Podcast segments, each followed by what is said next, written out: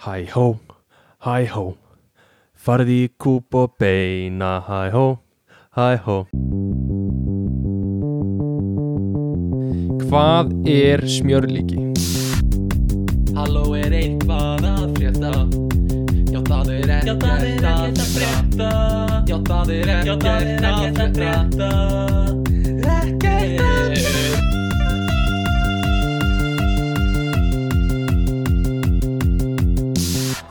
Well, well, well. Þú er bara komin í klefa til mín. Ég veit það á trafstana Ég veit það. Þú veist að Ég ég hef öll sönnunagögnin Félagin, henni hinnu herbygginu Hver? Hann er búin að viðkenna allt. Vill ekki bara gera lífið þitt aðeins auðveldara. Ég þig Ég bið þig. Og Jú. segðu okkur hvað þú faldir líkið Ég faldi það. Ekki það sem þú heldur ég hafa faldið Viðkendi það? Þú Við, drafst það. viðurkendu fyrir sjálfur að þú veist nákvæmlega hvað ég faldi líki Er það? Já. Já, þú sagði já. Frún í Hamburg tapaði leiknum. Bingo, stig fyrir mig. 100 stig. Ah. Tapa, Þetta var ekki, þetta var ekki eins og erf Nei, ég lappaði inn í Þetta tók í mig- þetta. Fucking eina mínútu.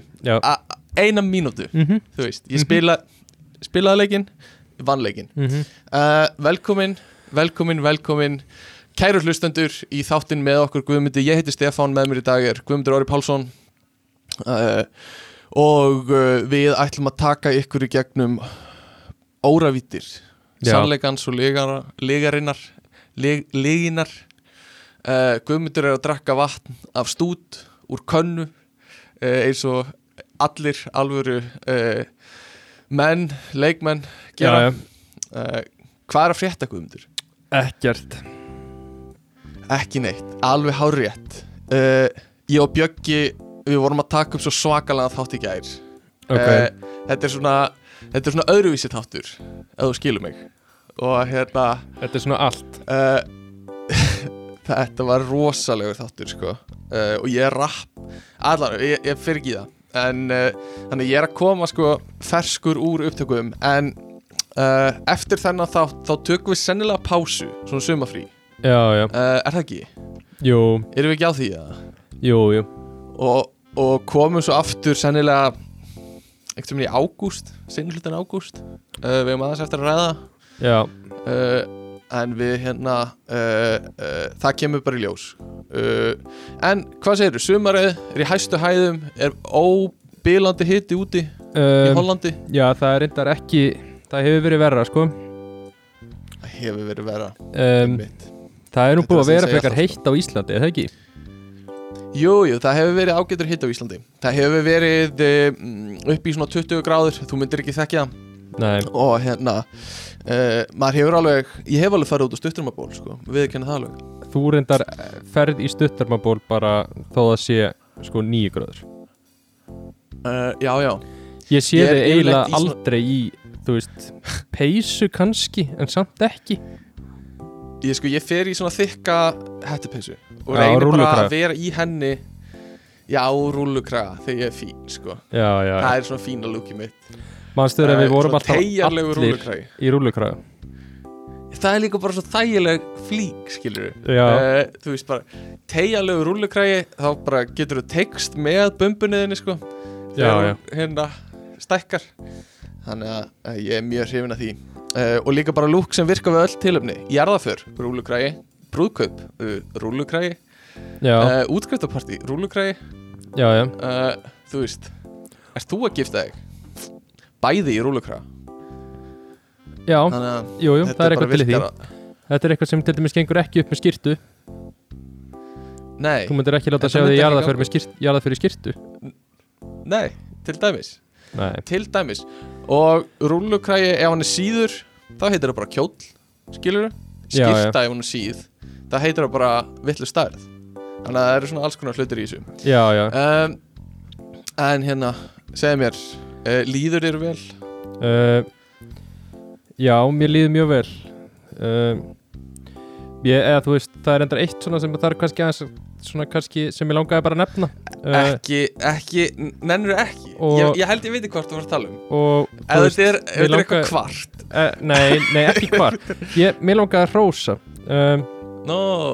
Mér finnst, Ok. mér finnst opaslega skemmtileg hérna og flott uh, myndin Já, sem að þú settir Einmitt. á Instagram síðan okkar Mér, veist, Einmitt. Það var eitthvað svo gaman að sjá okkur alla fjóra þarna einhvern veginn saman á einni mynd uh, já, já, já, já. þú veist, svona, veist, sem er, gæti jafnvel verið bara svona coverfótó á podcastinu einmitt, við einmitt, En við erum Sko. allir þarna, við erum allir það er, Uh, einmitt, já, einmitt. Sko, ég veit hvort talum Ég bjóð sem sagt til uh, svona covermynd Nei, svona póster frekar mm, Fyrir hérna uh, hlustendahittingin Sem er uh, á morgun Þegar við erum að taka þetta upp. Þannig að það ógísla 50 flott. dagur og hlustendahittingurinn Er á morgun, já, takk. Og það eru á pósternum Eru svona þrýr Bara svona kátirkumponar Eitthvað að brosa Nýri í miðbæri ykkur mm og hérna uh, Guðmundur hefur sendt á mig núna held ég tvisvar hvaðan er uh, svona, svona sár kannski yfir að hafa ekki fengið að vera með á þessum mynd, þessari mynd. Uh, ég skal bara viðurkenna fyrir hvernig þetta prósess var Já, já. að búa til þennan póster að því ég bjóð hann til. Einmitt, um, ljúða mér. Ljúða mér til að mér líði betur. Já, sko, hérna, ég vildi prófa að nota svona, uh, svona generative AI, svona, svona það sem ég skrifa inn og, og hérna fæ niðurstöður. Uh, og ég skrifaði inn til að fá þess að kalla uh, podcasters uh, cheering with beer, eitthvað svo leiðis og þetta var þetta var númer tvö af valmöguleikunum sem kom upp bara við þetta prompt já, skilurðu. uh, og þú veist það er ekki hægt að segja nei við þess þú veist, þetta er bara þetta var oflíkt skilur uh, okkur, strákunum. Já Uh, okkur öllum. Já, en þú veist, þú, það var ekkert, ég var ekkert að sæna að einhver væri, hver væri hvað, skilur, ég tók bara, þetta er fín mynd, skilur, já, uh, það þannig að- voru þrýr gaurar, skilur, e, ég, þannig að var það er ég valdi ekki eins og fjöldan, skilur, já, já, já, þannig að þú veist, það er ekki þú ert að segja sem að það er algjör tilviljun að þarna hafi verið Aha. þrýr gaurar aha, sem eru svolítið mjög líkir aha, þeim sem að öllum nema mér eða sko, ég veit ekki hvað, þetta segir eitthvað frekar um okkur, skilur, hvað við Já, já. erum mikla stereotypur, skilur, þetta, er, þetta var, sko, þetta var númer, valmöguleiki númer tvö, þegar einhver skrifar three podcasters drinking beer, já, já, smiling, þá kemur þessi mynd upp, sko. mhm. Um, þannig að svona, þá koma þessi gaurar upp. Svo fiffaði ég þetta til og, og vann þetta aðeins. En hérna ég var ekkert að hugsa þú veist hvað hva, hva er, er þetta?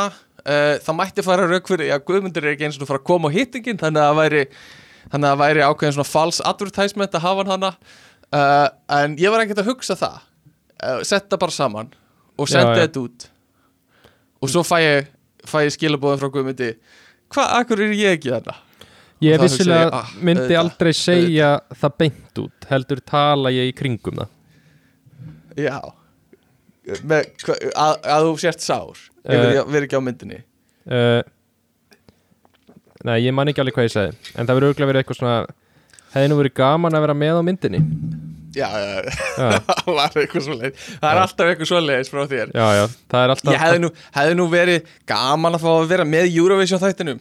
Já, já, Ma- Var að bara býða við síman eitthvað svona. Ég fæ alltaf svona skilabróf frá gumma Í hvert einasta skipti sem ég, sem ég ger eitthvað sem, já, já sem En ég meina, ég Eh. skilja líka alveg, þú veist, ég er náttúrulega ekki kannski búin að vera nógu lengi í þættinum eða, eða þú veist, kannski bý ég ekki á. Íslandi eða, eða, þú veist, er ekki nógu merkilegu partur af þessu þætti eða eitthvað, það eru svo margar Ég- ástæður Ég veit það, ég, ég bara í morgun þegar ég vaknaði var ég ekki alveg und, þú veist, ég vissi bara ekki að ég væri að fara í svona ferðalag þú veist, svona guilt trip, skilur við Nei, nei, ég, uh, þannig ég er bara ekki alveg tilbúin í, í þetta frá þeir, skilur nei, nei. uh, en þetta er, er alveg rétt, skilur ég hefði átt að setja pósterinn veist þú, ge- þú gerir þetta svo oft, skilur uh, þú gerir þetta til dæmi þegar einhver sá lýsingun á podcastinu og hérna og nafnið þitt var aftast eða eitthvað svona, ég var ekki hvað var. Og hérna uh, af hverju var þetta var nafnið á podcastinu svona eitthvað svona? Og þannig að núna er, nafni, er lýsingin á podcastinu okkar Guðmundur Ári Pálsson og vinir. Já, eitthvað, já, já eitthvað svo leiðis Nei, já, það var, að- það, að- þú veist, það var náttúrulega ekki þeir nafn, ég er ekki það petti, sko, ekki nafnið mitt hefur aftast, en það var Já. tíðanbútur sem við vorum alltaf tveir og podcastið var undir nafninu Stefán Gunnlaugur Jónsson og svo var ekkit minnst á mig neinstæðar. Já, þetta var að því ég er að borg Þetta er á áskriftinni minni á Spotify Og áskriftinni minni á Soundcloud. Já, já, já, já, já.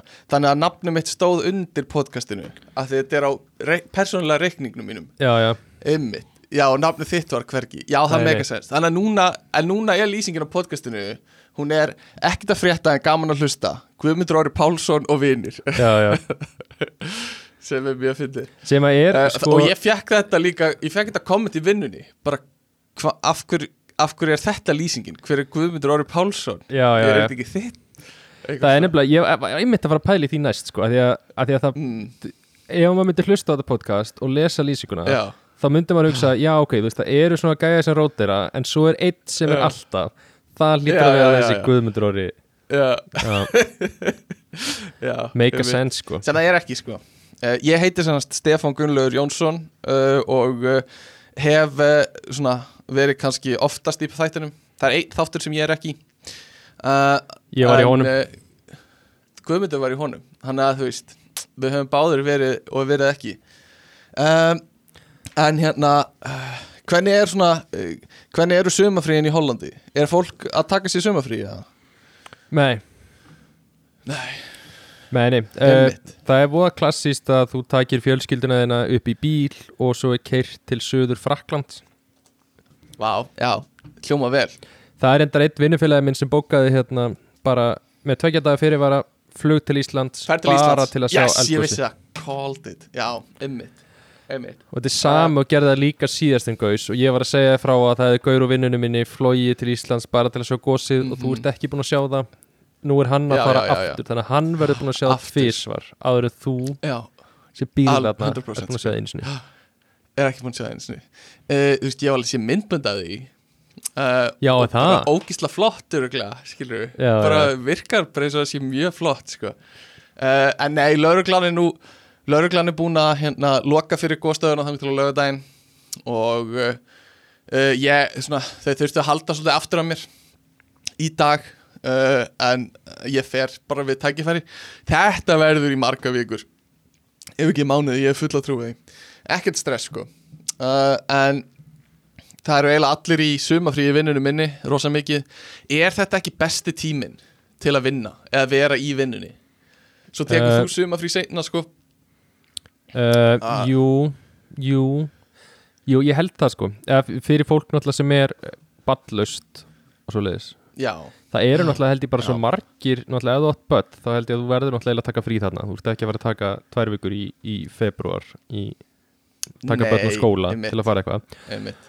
Og örgulega margir Einmitt. líka sem hafa ekkert eitthvað það mikið val þú veist, eða ég veit ekki ég meina þjónustu störf Þú tak, eða svona, já, og það, svona tarnastörf. Já. Það eru sko fríin í leikskólanum dikt þetta svolítið hvenar og hvenar fólk getur ekki tekið frí uh, en ég veit að einn hjá mér bara lagði bara skiplaða akkurat þannig að hann fær eina viku eftir að börni fara aftur í leikskólan í frí líka sem Já, mér fannst já. mjög gott múf hjá honum. Uh, þannig að hann hefur það til að spila Diablo eitthvað. Uh, af því þá þarf barnið að koma með í vinnuna eitthvað. en það gæti verið leðilegt fyrir það. er sko ert þú svona manneskja sem er til í bara fimm vikur bara straight sumafrí og svo ekkert meira frí verið árið? Ég væri til í svona einn góðan chunk og svo kannski tvo minni chunka. Þannig að kannski þryggja, þrjár vikur og svo tvær vikur. Já, viku og viku. Já, eitthvað svo leiðis eða kannski, kannski e, tvær og hálfa viku og svo þrísa sinnum fjóra daga eða eitthvað svo leiðis já. sinnum langa helgi. Mm ég held, ég held að það væri svona optimal af því mann er fer að leiðast. Ég held kannski sérstaklega þegar maður er laus og hefur ekkert að gera á daginn. Uh, og sérstaklega ef að podcastin manns er í frí sérstaklega ef að öll þrjú podcastin manns er í frí þá hefur maður ekkert að gera í fimm vikur. Já, já, og, og hérna, maður verður bara eirðarlaus sko. þannig að ég tek tvær góðar góða vikur. Ég fæ tvær góðar. Það er það sem ég fæ já, af því ég byrjaði svo seint sko. já Eh, Ég, ég er en- meira svona uh, Ég prófaði síðast að taka Hvað er að lagga? Það er þú bara svona seitt nei, nei, nei, ég var bara uh, bara stríða, bara stríða Já, ég er bara svolítið hrifin af löngum helgum Og svo Já. kannski svona heilar vikur hér og þar já, já, já Ætla, þú, te hvernig tekur þú sem fríðið? Við Eh, kannski farið það? Já, ég tek næstu viku í frí. Ok, tekur Og næstu viku. frí. svo ætla ég að taka jólin í frí held ég. Oh, já, Og svo bara einhverja svona langar helgar. Já, það er sniðugt sko. Mér finnst þetta líka sko, þetta er úlfatíminn. Það er þegar allir eru einhvers þar annar staðar og skrifstofan er svona hálf tóm og það er engin byðröð í mat og svona. Það er besta við þetta, það er engin byðröð Já, Ekki það sé byðröð en þú veist það er alltaf Ég veit ekki hvað ég er að segja, það er ekkert, ekkert vesen að fá mat. Það er bara pyrraði En Byðröðin í matinn pyrraði já, hún pyrra mig. Hún pyrra mig ógislega mikið. Ég er bara svangur og ég vil bara rífa matinn upp. Uh, En uh, já, skrifstofan tóm, það er næs sko. Og, og segja við viðskiptum líka bara Sorry, það er allir í frí eiginlega. Þannig að það er ekkert, engin pressa á manni. Já, Svo þegar allir komið tilbaka, þá fer ég í frí sko. Já, já Þetta er svona að þú ert ekkert metnaðafullur og hefur eng, veist, engan áhuga á starfininu þá er þetta klassíst sko. Já, þetta er svolítið, svo, þetta er svolítið þannig sko. Uh, Nei, ég er fullan metnað ef að einhver frá vinninu minni er að hlusta. Ég vinn eins og svín þessa dagana. En ef Eh, engin úr en, vinninu eh, að hlusta? þá ger ég ekki neitt á daginn sko. uh, uh, og heyrðu, ég fór í sögumbústæðum helgina. Einhvern, einhvern svona á fáránlega góðum stað. Uh, á uh, Suðurlands undirlendinu, þú þekkir það nú. Um, Já, já. ekki alveg eins langt á þinn samt. Þinn er einhverstað lengst í burtu. En uh, þetta, er, þetta er þannig á leiðinni í Þórsmörk eigilega uh, og hérna crazy staður. Og bústaðurinn er bara, var algjör snild. Og ég hugsaði bara hvað er mikill luxus að eiga góðan sumabústað til að fara í? Já. Einmitt, hvað, hvað er þetta langt frá? Hvað er þetta? Einn og hálfur? svona- Tveir? já, einn og hálfur, tveir einn og hálfur, Já, já. tveir þetta er rétt sjá Kolsvelli Mér finnst það er ekki það, langt frá Kolsvelli sko Mér finnst það smá fullkomi fjarlægt já, að mér Já. finnst sko mér finnst minn bústæður, hann er þrýr tímar og mér finnst það svolítið Já, langt það af því að það er, þú veist, helgaferð þá er þetta svolítið mikið keisla en mér finnst líka að fólk á bústað í kannski 40 mjönda fjarlæg þá finnst mér út það er ekki nógu mikið detachment skilur nei, nei, það er, það er þú veist, bústaður á leiðinni að Helgafelli í Hafnafyrði já, þegar, þegar maður keiri fram já, ég veist ekki það fólk sem á bústað þar. Já, það er crazy, það er ekki já, það er ekki næs veist, það er bara crazy í mínum huga sko. Mhm. og, og já, ég ætla að skreppa í bústað og þú ert komin eftir fimm mínútur þú veist, já, já, þú sérð í húsið úr bústaðinu já, uh, það er ekki, ekki eins næs. Og kvartmílubrautin er bara fyrir utan hjá þér. Það er bara alltaf fólk í einhverju dragri sem er beint fyrir utan bústaðin já þú vilt Eh, ekki geta skroppið heim þú veist, Nei, nei, það vantar vilt þú vilt ekki og labbað. mjólk heima þú vilt ekki geta skroppið heim já, far þú, þú vilt í, þegar þú baka í bústað þá viltu svolítið mixa. Þú veist, þú átt ekki smjörlíki þannig að þú nota smjör. Já, já, þú átt ekki sigur þannig að þú nota púðsigur þú vilt svona aðeins, aðeins spæsa upp í. Talandi um það mm. Nú er þetta spurning sem ég velt mikið fyrir mér Já. Hvað er smjörlíki?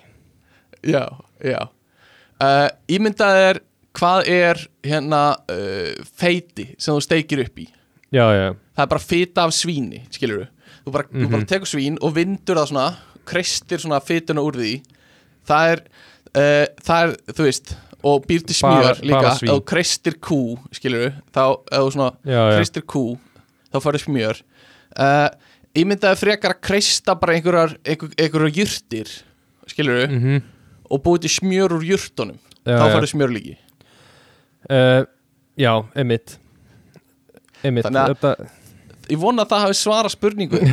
Og, Nei, en- og, En er þetta ekki, þú veist er þetta ekki svona eitthvað gamalt íslenskt svona draslvara pott sem við erum eitthvað ennþá að nota Jú, þetta er, semst, þetta er jurtasmjör smjörlíki og það er basically eins og þú veist, bara í gamla þetta áttu við fullt af kvönnum en öll dýrin okkur voru búin deyja úr kulda. Þannig við bjögum til smjör úr öllum jurtunum sem við áttum í garðinum. Eins og ætikvönn og byrkitré og eitthvað. Það er eina sem Ertu- vex á Íslandi. Þú veist, þú ert að bulli mig núna eða ert að segja eitthvað svo þú veist? Nei, nei, nei, þetta er alveg satt sko. Og hérna Þú Núna ert að ljúga mér. venjulegt smjörlíki ég heyrðu ég, sérst, í þessum þætti ég ætlaði svona að reyna að gera þetta. Uh, ætla ég að reyna að ljúga eins svona uh, mikið og ég get, svolítið svona strategísk lígi já, og ég ætla ekki að hika við það. Að vegna þess að þátturinn í dag hann á einmitt, þema þáttarins í dag á einmitt að vera lígi lígar og, og sannleikur var ég búinn að skrifa niður en þetta verður fókusað svolítið á lígi og uh, við vorum næstíð búin að taka hana þátt í síðustu viku mm. og uh, mér langaði svolítið að ljúga að þér í síðustu viku um að við værum að taka annað þema. En uh, taka svo lega þemað og ljúga að þér um þemað. En ég gerði það ekki. Já. uh, góð saga, góð saga, frábær saga. Og hérna ætlum að taka lega þátt í dag. En hvað, vilt þú segja eitthvað? Er eitthvað sem þú vilt létta af uh, Uh, samvinskuðinni? Nei, bara því ég var að, að lesa hvað smjörlík er. Uh, Þannig að bara Þetta er sem sagt nautakjötsfita og léttmjólk.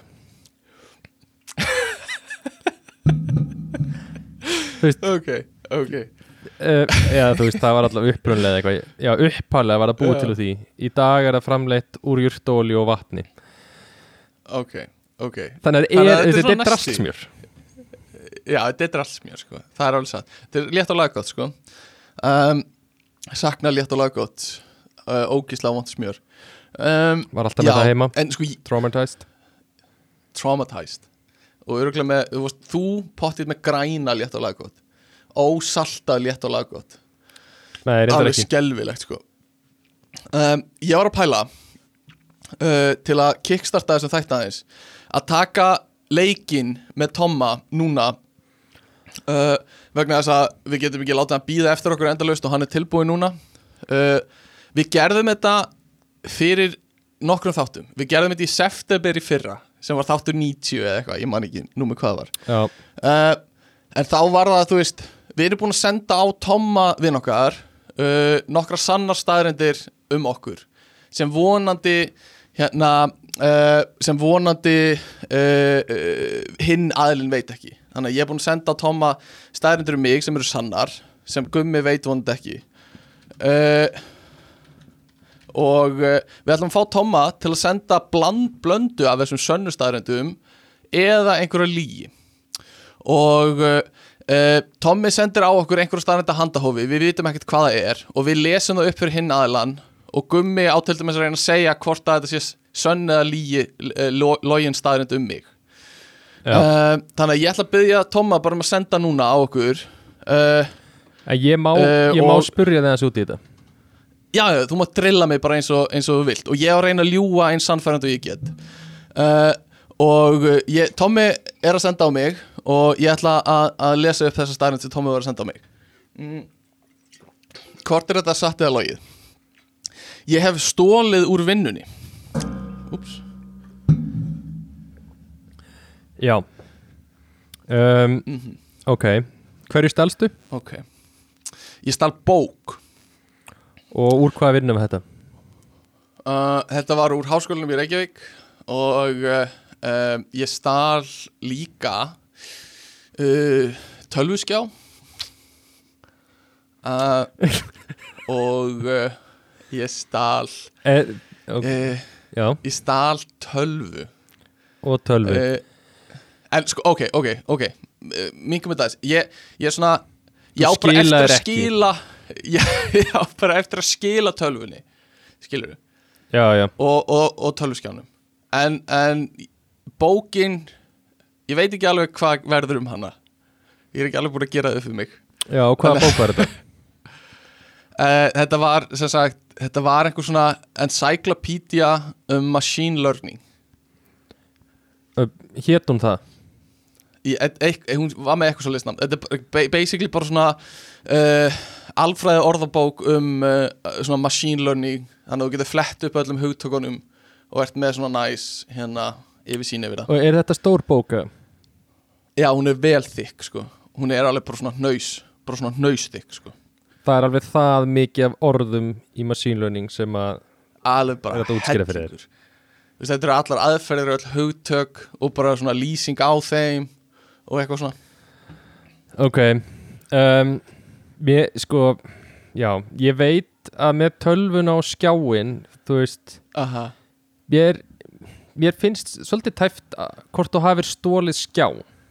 Mér finnst það Já, eitthvað svona já. eitthvað hljóma full mikið Ég veit að með tölvuna en að þú varst eitthvað svona að reyna að díla við það að þú fengir að kaupa hana af, eða fengir að gefa eins og þeir vildu mútið kaupa hana af þér.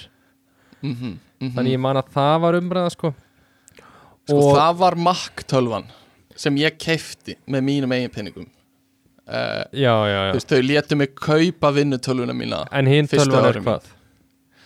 Windows-vél sem ég fekk uh, svona seinna þegar ég var búin að vinna hann í svolítið tíma.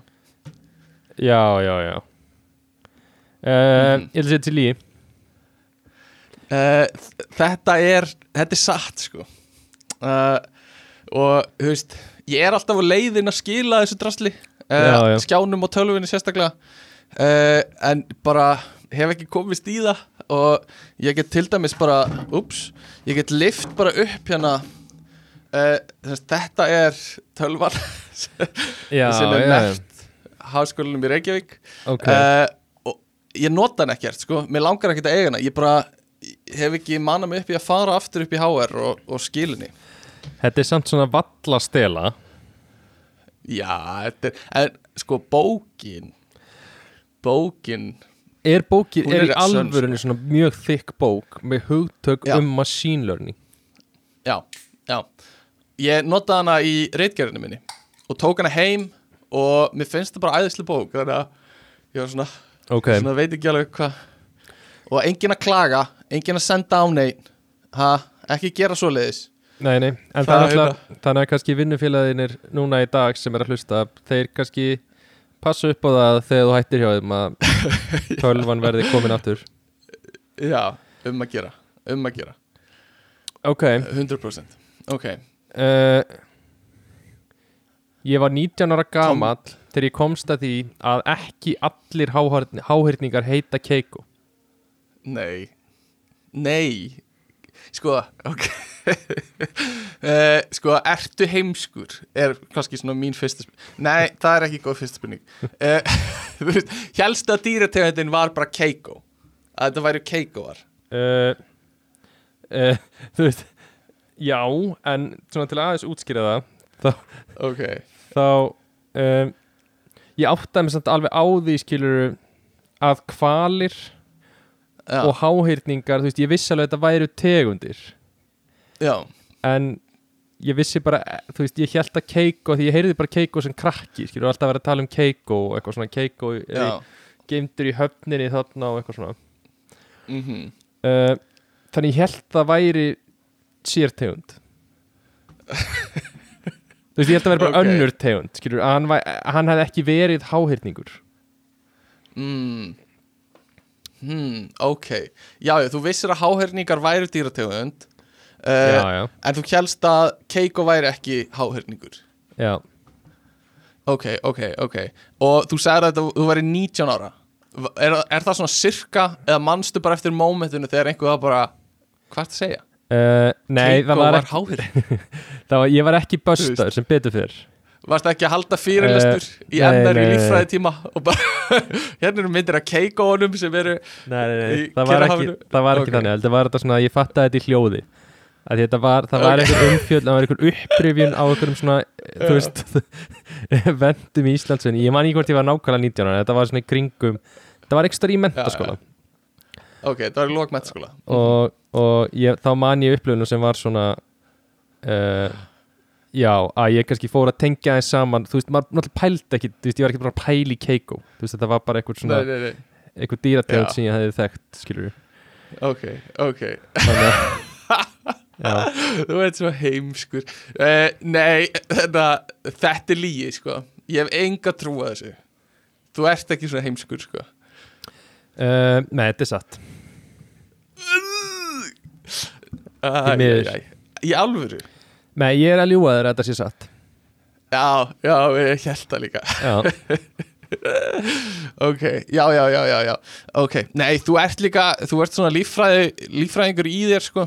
Þannig að mér finnist þetta Mér finnist þetta skrítið sko. En samt alveg þetta er alveg eitthvað sem gæti gerst sko. Þetta var góð líi hjá Tomma. Uh, Ég var ekkert viss uh, með þetta. Nei, nei. Uh, Ok, þannig að Tommi sendur á mig. Ég hef framkvæmt of riski prump á improsýningu uh, og skeit á mig fyrir framan að minnstakosti 100 manns?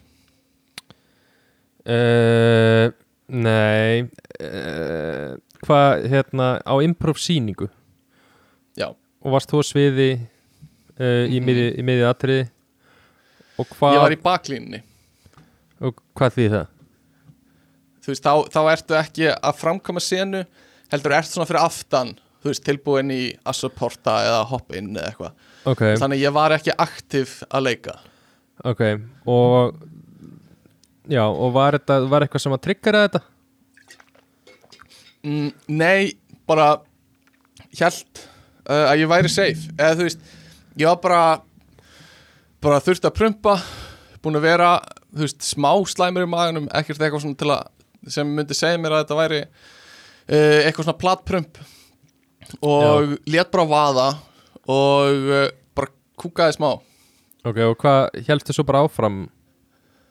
Já, það var sem betur fyrir ekki mikið eftir af þessu setti þannig að ég já. bara kláraði gatt farið út uh, og bara beint hann á klósett Já, já. og hérna uh, þú veist, þetta var ekki þannig að kúkurinn komst í nærbuksunar en þú veist, ég þurfti að skeina Já, já, þú veist, það Eh. var á milli kinnana en þá já Þetta, þetta er lígi sko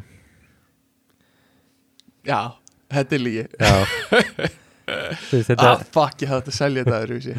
Nei, ég var, Ah. ég var, ég hefði held ég alltaf sagt lígi Sama hvernig það setja þetta. Er bara eitthvað skrítið scenari Líka á ertu bara svið Það lítur að vera smá svona adrenalín og spenna svona aðeins, skilur já, Sé já. ekki alveg fyrir mér að fara í gegnum hausin á þér að vera í baklín og vera bara Ég ætla að prumpa aðeins núna. Þú veist, að veginn Bara ekki tími að vera því held ég Nei, sko ég, ef ég hugsa tilbaka á sýningar, ég man ekki eftir að hafa prumpað. Bara to be honest sko. uh, ég væri líka bara svo stressaður að það myndi heyrast. Þú veist Já, ekki já. að kemur kúkur heldur bara að prumpið sjálft myndi heyrast. Já, já, uh, já, já ég, það, veist ég hef verið á æfingu þar sem uh, var einhver sena á gólfinu þar sem gaur, prumpaði. ekki ég eh, prump, bara misti prump, skilur hann var eitthvað að hamast á gólfinu af einhverjum ástæðum. Já, og kom bara gott. Og, Það er svona og eina það, Þú hefði getað selt mér mögulega þar. Já, já, Eða verið eitthvað svona hamgangur og þú er Já. En þú, segjum að þú sért í þannig aðstæðum að því þegar þetta gerast á æfingunni þá leta allir eins og þeir heyrði ekki neitt. Skilur, en maður sá alveg á, á honum sem prumpaði að þú veist, hann vissi að allir heyrði þetta og allir sem voru þarna vita að þeir heyrði þetta en það leta allir eins og ekkert hefði gerst þú veist, er það besta taktikinn fyrir svona? Já, já, algjörlega Þú veist, að Er- allir er- bara eru sammælast um það að ekkert gerðist Samt uh, alveg, höldu bara áfram það er samt alveg Get ég ímyndað mér á improv-sýningu Ef þú ert að sína þér framar fólk Já. Er ógíslega fyndið að adressa það bara Ef það svo myndi gerast ávart Já, já, 100% maður myndi, maður myndi eiginlega þurfa að gera það sko. Já, já. Eh, þó, þó að sé mm, það er alveg smá grill fyrir manneskinn sem prumpaði. Þú veist, það er alveg svona smá óþægilegt og í impro reynum maður að gera ekkert óþægilegt beint fyrir uh, samleikara sína. En svona kannski þarf maður að gera það sko. það er alveg spurning. Já, já. Já, ok, ok, Gummi, þú lest núna stærnum fyrir þig. Sískinni mín báðu mig um að loka augunum Þegar vorum að horfa á mynd. Glimtu að segja mér að opnaðu aftur Svo ég kláraði myndina með lokuð augu.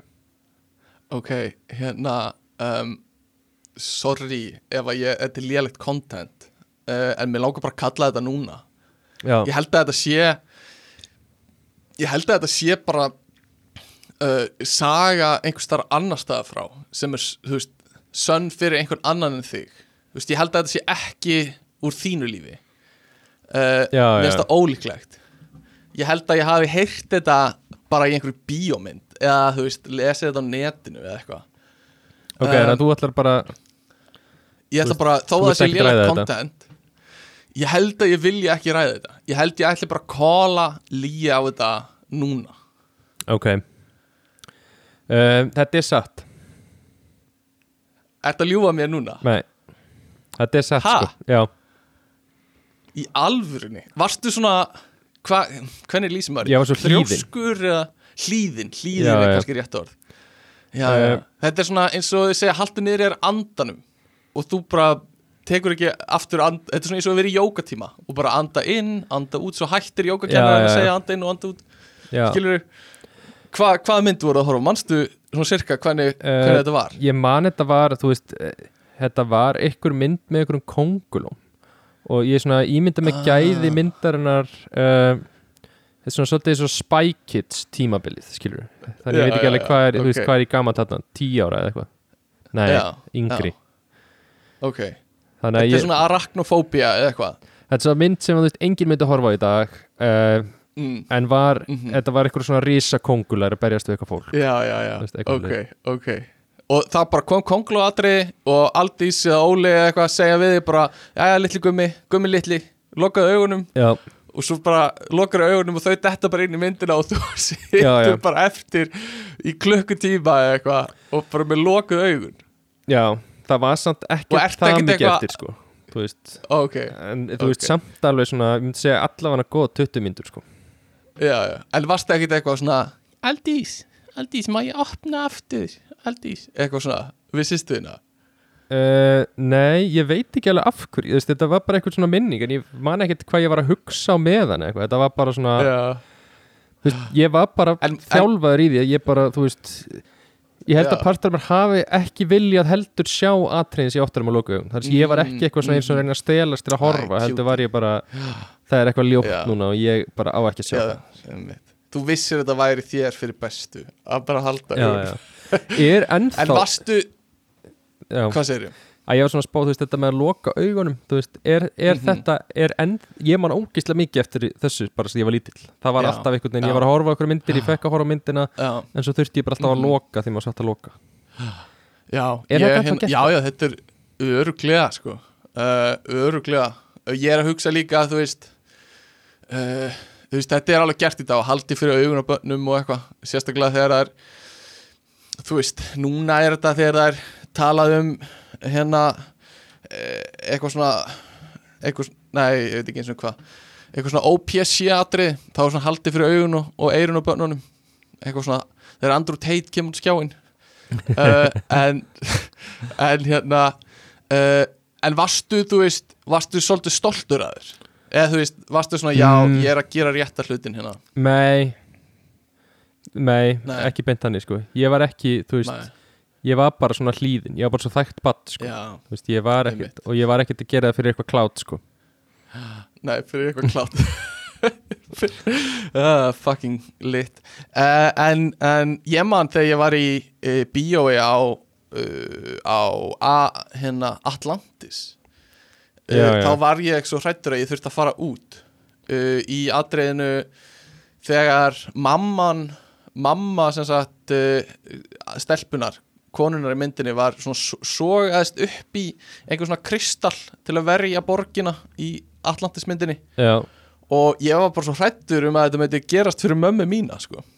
já, ég þetta er svona teiknumynd Þú veist, þetta er batnamynd já, þetta er teiknum, ég veit að ég fríkaði bara ég, Já, já, þetta var einhvern tímann þegar hún var sínda aftur í Bíóparadís þegar við vorum í MR og ég var bara, strákar, ég þarf að fara út sko. já. Bara, Kald svitna og bara ringi bara, fuck, já, bara mamma, getur þú sótt mig. Bara, Bara- Stefán, þú ert á bílnum. Já. og ég bara, mamma, gerðu það. En mamma, vertu inni. Þú veist, já, Ekki ekki, fara þig. út. Haltu í eða eitthvað. kemur já, eða kemur ljósur himninum ekki fara út. Uh, nei, þetta var einhvern tíma þegar ég var sex ára eða eitthvað þegar hún var Ég- út, hún var bara í bíó. Ég á líka sko Eitt svona sem ég var alveg traumatæst hrættu við Var hérna uh, Þegar var settu Pétur Pan á Íslandi. Já og það var hérna hann hérna sjóranningin hvað heitir hann? Kaftin Kúbein eða eitthvað. Captain Hook á ennsku Já, Já. Um, ég var bara trómatært trættur á leikritinu. Bara fór að grenja fuck. og fór út Úff. og ég mátti bara aldrei heyra þetta lag sem var spilað. Þetta var eitthvað svona krókodilalag já, ég mátti Já, aldrei já. heyra þetta aftur. Og um, einmitt. frændi minn samti tónlistina í þessu. Þannig að hann bjóð þannig að hann bjóð til Já. þetta lag sem ég var bara traumatæst hrættur við. Oh my god. Og mamma og pappi þurftu bara að fara heim og bara þau þurftu að henda geisladisknum. Ég gæti ekki svona hort á, Oj, á oj. hulstrið sko. Það er crazy. Þetta er tráma sko sem maður lifið með. Um, En hérna uh, Ég man eftir þessu, þessu sýningu líka. Ég er ekki frá því að ég hafi hlaupið upp á svið sko. Ég var svolítið hrifin af Pétur Pan þegar ég var yngri sko. Já, Eh, ég mér líka finnst sko. æðislegt. Ég var líka mjög hrifin á honum. Tengdi einhvern veginn við hann? Já, tengdi við hann. Lágar ekki að vera fullorðin En það hef ég ekkert orðið fullorðin Ég er ennþá bara 10 ára. Já, um, En sko, já, Kaftin Krókur. Krók Er það já. góð þýðing? já, Ég, held, ég myndi því það Kaftin Krókur. Já, um, ég veit ekki hvort það var þannig í, í þá, ég man eftir, ég veit samt nákvæmlega hvaða sýningur tala um uh, og ég skil mjög vel að það hafi verið spúkt. Að ég lægi var líka svona það var svona hæ hó, hæ hó farði í kúp og beina hæ hó, hæ hó já, fuck. Þetta var Já. rosalegt sko. Þetta var rosalegt maður. Mælum Shit, að þú leita syngur að þessu sko. Úff, já, rosalegt sko uh, og hérna líka hana komdu nú með inn í álfana heim. Það var í sömu sýningu. Nei, triggered. Trigger ace marga samt iconic uh, lag. ok, næst já, samt iconic. Næsta uh, sem gæti verið síðast eða næst síðasta frá mér. Ég uh, ég er mjög hrifin af Veronica Mars þáttunum. Ok, um hvað voru þeir aftur? uh, um svona unga enga spæjarastelpu sem var einhver staðar held ég í Flórida eða eitthvað að leysa glæpi og uh, já bara, bara þú veist rannsaka rannsaka og allt með myndavélina sína í bílinu sínum að taka myndir. Já, já, já. Og, og hérna pappinar uh, átti enga spæjarastofu. Og var eitthvað meira sérstætt við hana heldur en bara að vera, vera ung uh, spæjara kona uh, hún er náttúrulega fáralega myndaleg uh, leikoran já, sem, sem, heitir Kristen Bell. Uh, og hérna er var alveg crush skilur, þetta var svona ég veit ekki hvað ég get gefið mikið af upplýsingum til þess að, þú veist, ég gæti bara guppað út um mér upplýsingum um Veronica Mars. Ó, er það? og já, já, já, ok, bara 100% ok, hvað hérna uh, en þá væri það svolítið augljóst skilur að ég já, já, já, að ég uh, og hérna en uh, já, Kristin Bell myndaleg, myndaleg stelpa sem var mikið crush hjá mér og þetta var svona á tímanum svona 12 kannski 12 ára uh, svona plus mínus 2 ár og þannig að þú veist, ég kom heim á körfbóltæfingu og þriðjudöfum voru Veronica Mars og þú veist, fimmtudöfum var Desperate Housewives. Og ég horfði bara á hvort tvekja af miklu móð. Skilur, þetta voru bara heilög kvöld fyrir mér. Já hvar varst það að horfa á þetta? Mars bara heima, bara á rúf. á Rúf, já þetta var á Rúf. Og Desperate Já, Housewives á líka á þar. Já, aðþrengdar eiginkonur horfði mikið á það. Og, eh, og hérna, Veronica Mars. Og uh, eru frábæri þættir.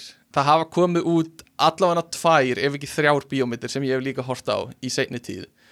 Uh, og bara elska hana karakter sko og bara þessa þætti. Já, getur þú sagt mér þú veist, mei, getur þú sagt mér einhver annan karakter í þáttunum?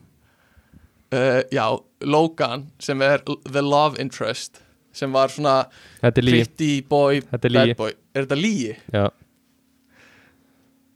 Nei, þetta, Þetta er þetta er dagsatt sko. Þetta er dagsatt, þetta er Og ég er ennþá mikill þetta Horfði á þetta nýlega uh, Þetta er uh, Nei, þú ert að næs, núna. sko.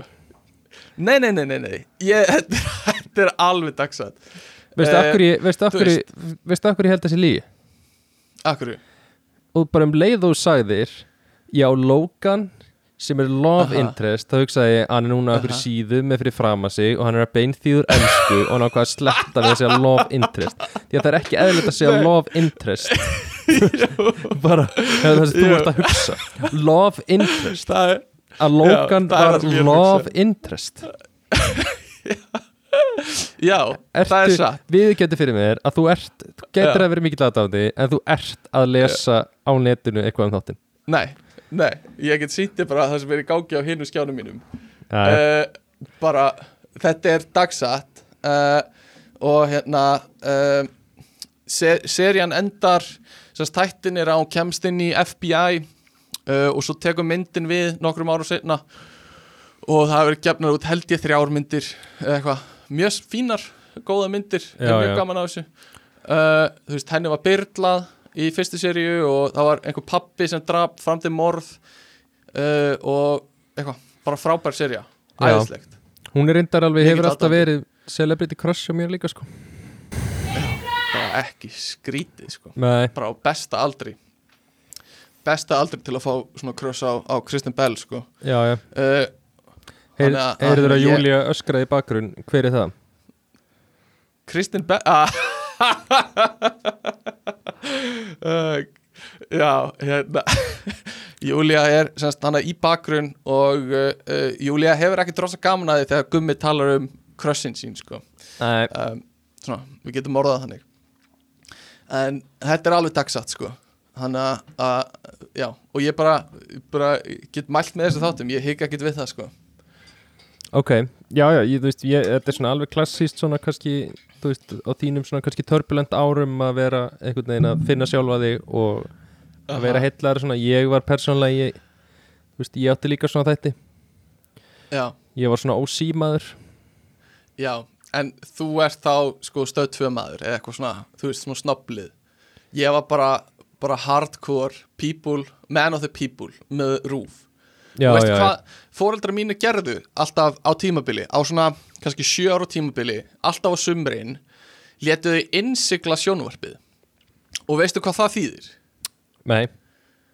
Að innsigla sjónvarpið. Þá hérna fenguðu einhvern official mann koma frá rúf eða eitthvað sem uh, kom og setti svona póka með svona járnvír yfir hérna ramagsinstunguna þetta er dagsatt. Nei. Þannig að yfir sumarmánuðina þá gátum við ekki kveikt á sjónvarpinu af því það var innsiklað Ert að meina? og uh, ég er að meina þetta. Og ég held að þetta hafi þurft að vera official uh, til þess að þú veist, þau þurft ekki að borga eitthvað svona rúfskatta eða eitthvað. Já, já. Uh, eða eitthvað svo liðis en ég man Mhm. bara að það var á tímubili alltaf á vorin kom einhver gamall kall og tók sjónvarpið okkar úr sambandi Já, setti póka yfir og við gátum ekki hort á sjónvarpið þú veist, þangað til bara um haustið oktober eða eitthvað. Þessi saga S og Sun já, bara, þetta var rosalegt. Já, já. Þetta, og þú, veist, þetta þú, var, veist, þú veist ekki að ljúga þessu að mér. Ég er ekki að ljúga þessu og þú veist, ég hugsa alltaf ætli fleiri heimili sé að gera þetta? Já, en ekkert annað heimili að gera þetta er ógeðslega. Ég er svona, þetta er svona partur af æskunni sem svona hugsar tilbaka og svona þetta var kannski ekki eitthvað sem allir gerði uh, Já, já, á en, þessum tíma. Já, Þú ert náttúrulega að ljúga þessu. Ég er ekki að ljúga þessu, Jú, þetta er líka dagsatt. Ég hefði átt að setja þetta sem staðreind og senda á Tóma, en uh, þetta er bara svona gleymist. Nei, þú ert að ljúga því að það hefur komið maður heimtíðin og Nei. innsiklað sjónvarpið. Nei, er og fóreldræðinir hafi í staðin ekki þurft að borga skatta. Þetta, sko ég veit ekki af hverju þau fengum mann til að gera þetta en það er svona eina sem er dettur í hug er að til þess að þú veist af hverju myndu þau ekki bara gera þetta sjálf? Þú veist, það hlýtur að vera eitthvað tengt þú veist, að fá staðfestingu á því að, að þú veist, þetta heimili er ekki að nota sjónvarpið yfir suma mánuðina. Já, með því að innsikla sjónvarpið. Þú sérst myndir ekki innsikla loftnetið nei, nei, þetta er bara, þetta er innstungan fyrir sjónvarpið. Já, þetta er innstungan, Eh. þetta er ekki sjónvarpið. Þetta er innstungan fyrir sjónvarpið. Já, skilur eh, þetta er þú veist tala- um þetta var sett yfir klóna samband. Já, ramagsklóna En við erum ekki að tala um loftnet. Nei, nei, Stefán, Nei. Nei, hættu þessu. Ég trú, þetta er dagsatt sko. Ger, bara, ég, bara, mér langar að ringi mömmuðina bara til að fá Já, svar við þessu. ringjum í mömmu mína núna Ringjum í hana Ég skal bara, Við gera það bara í beinni Já. Og hún getur staðfest þetta. Uh, og, og þá getur ég líka spurt hana sko Af hverju Af hverju hérna uh, Þetta var gert Og hver var svona ávinningurinn. Já, Heyrur í símanum. Hæ? Hæ, Hérna, við erum að taka upp í okkur já, uh, Þannig að þú ert í mikrofón uh, Mér langaði bara að spurja því svona, mér datt þetta í hug af hverju innsigluðu við sjónvarpið á sumrin já, já. Það er góð spurning. Sko, það byrjaði nú á því að við vildum fara að gera eitthvað annað heldur en bara horfa á sjónvarpið. Já, einmitt, Og sérstaklega til þess að fá ykkur til þess að vera ekki að horfa á sjónvarpið. einmitt Og hérna, svo fast okkur það líka bara ára eftir ára orðið svolítið fint. hvernig var það gert? Að Þetta var orðið svo flókið sko. Við þurftum að fara með sjónvarpi jafnvel bera sjónvarpi og, og láta einhvern kall setja póka á vinstunguna Og hérna, hver, kom ekki var ekki eitthvað gamall kall sem kom stundum og setti póka Jú, hann kom hérna inn í Garðabæn, í þetta fína hús og, og setti póka á vinstunguna og horfði á okkur svona samúð fullum augum En af hverju, af Því að hann hefur aldrei sko, hann, hann hafði einhvern veginn þá hugmynd að við hefðum ekki efnaði að borga afnóttugjöldin sko Já, var það ekki ef þú sett innsiglaði sjónvarpið þá þurftur ekki að borga einhver, einhver ánótugjöld eða eitthvað Jú, jú, jú, það var, við þurftum ekki að borga ánættukjöld. En síðan gáttum við líka sagt við ykkur, já það búið einstaklega svo, það er ekki þetta að horfa það. Svo þeirra voru komna tölfur og alls konar svona, þá var þetta náttúrulega orðið hansi flókið. Já, ok. Það var ekkert að eldast við það. Nei, ok, ok. Eh, Það var eiginlega bara þetta Þannig að, hérna, takk fyrir þetta. Mér, Ég Já. bara var ekki alveg viss. Það- Hér með staðfætti stað, Já. það var árum saman innsigla sjónvarp og svona. Ok, geggja, takk, takk fyrir það. Gummi trúði sinna bliki Þannig að, ok, Ok, ok, bye bye Þannig að hér með eftir stað. Fyr, veist, þetta er eitthvað besta sem ég heilt Ég bara fatta ekki hvað þetta væri. Þetta er það Svo fáralegt sem ég mjög heilt óeðlilegt.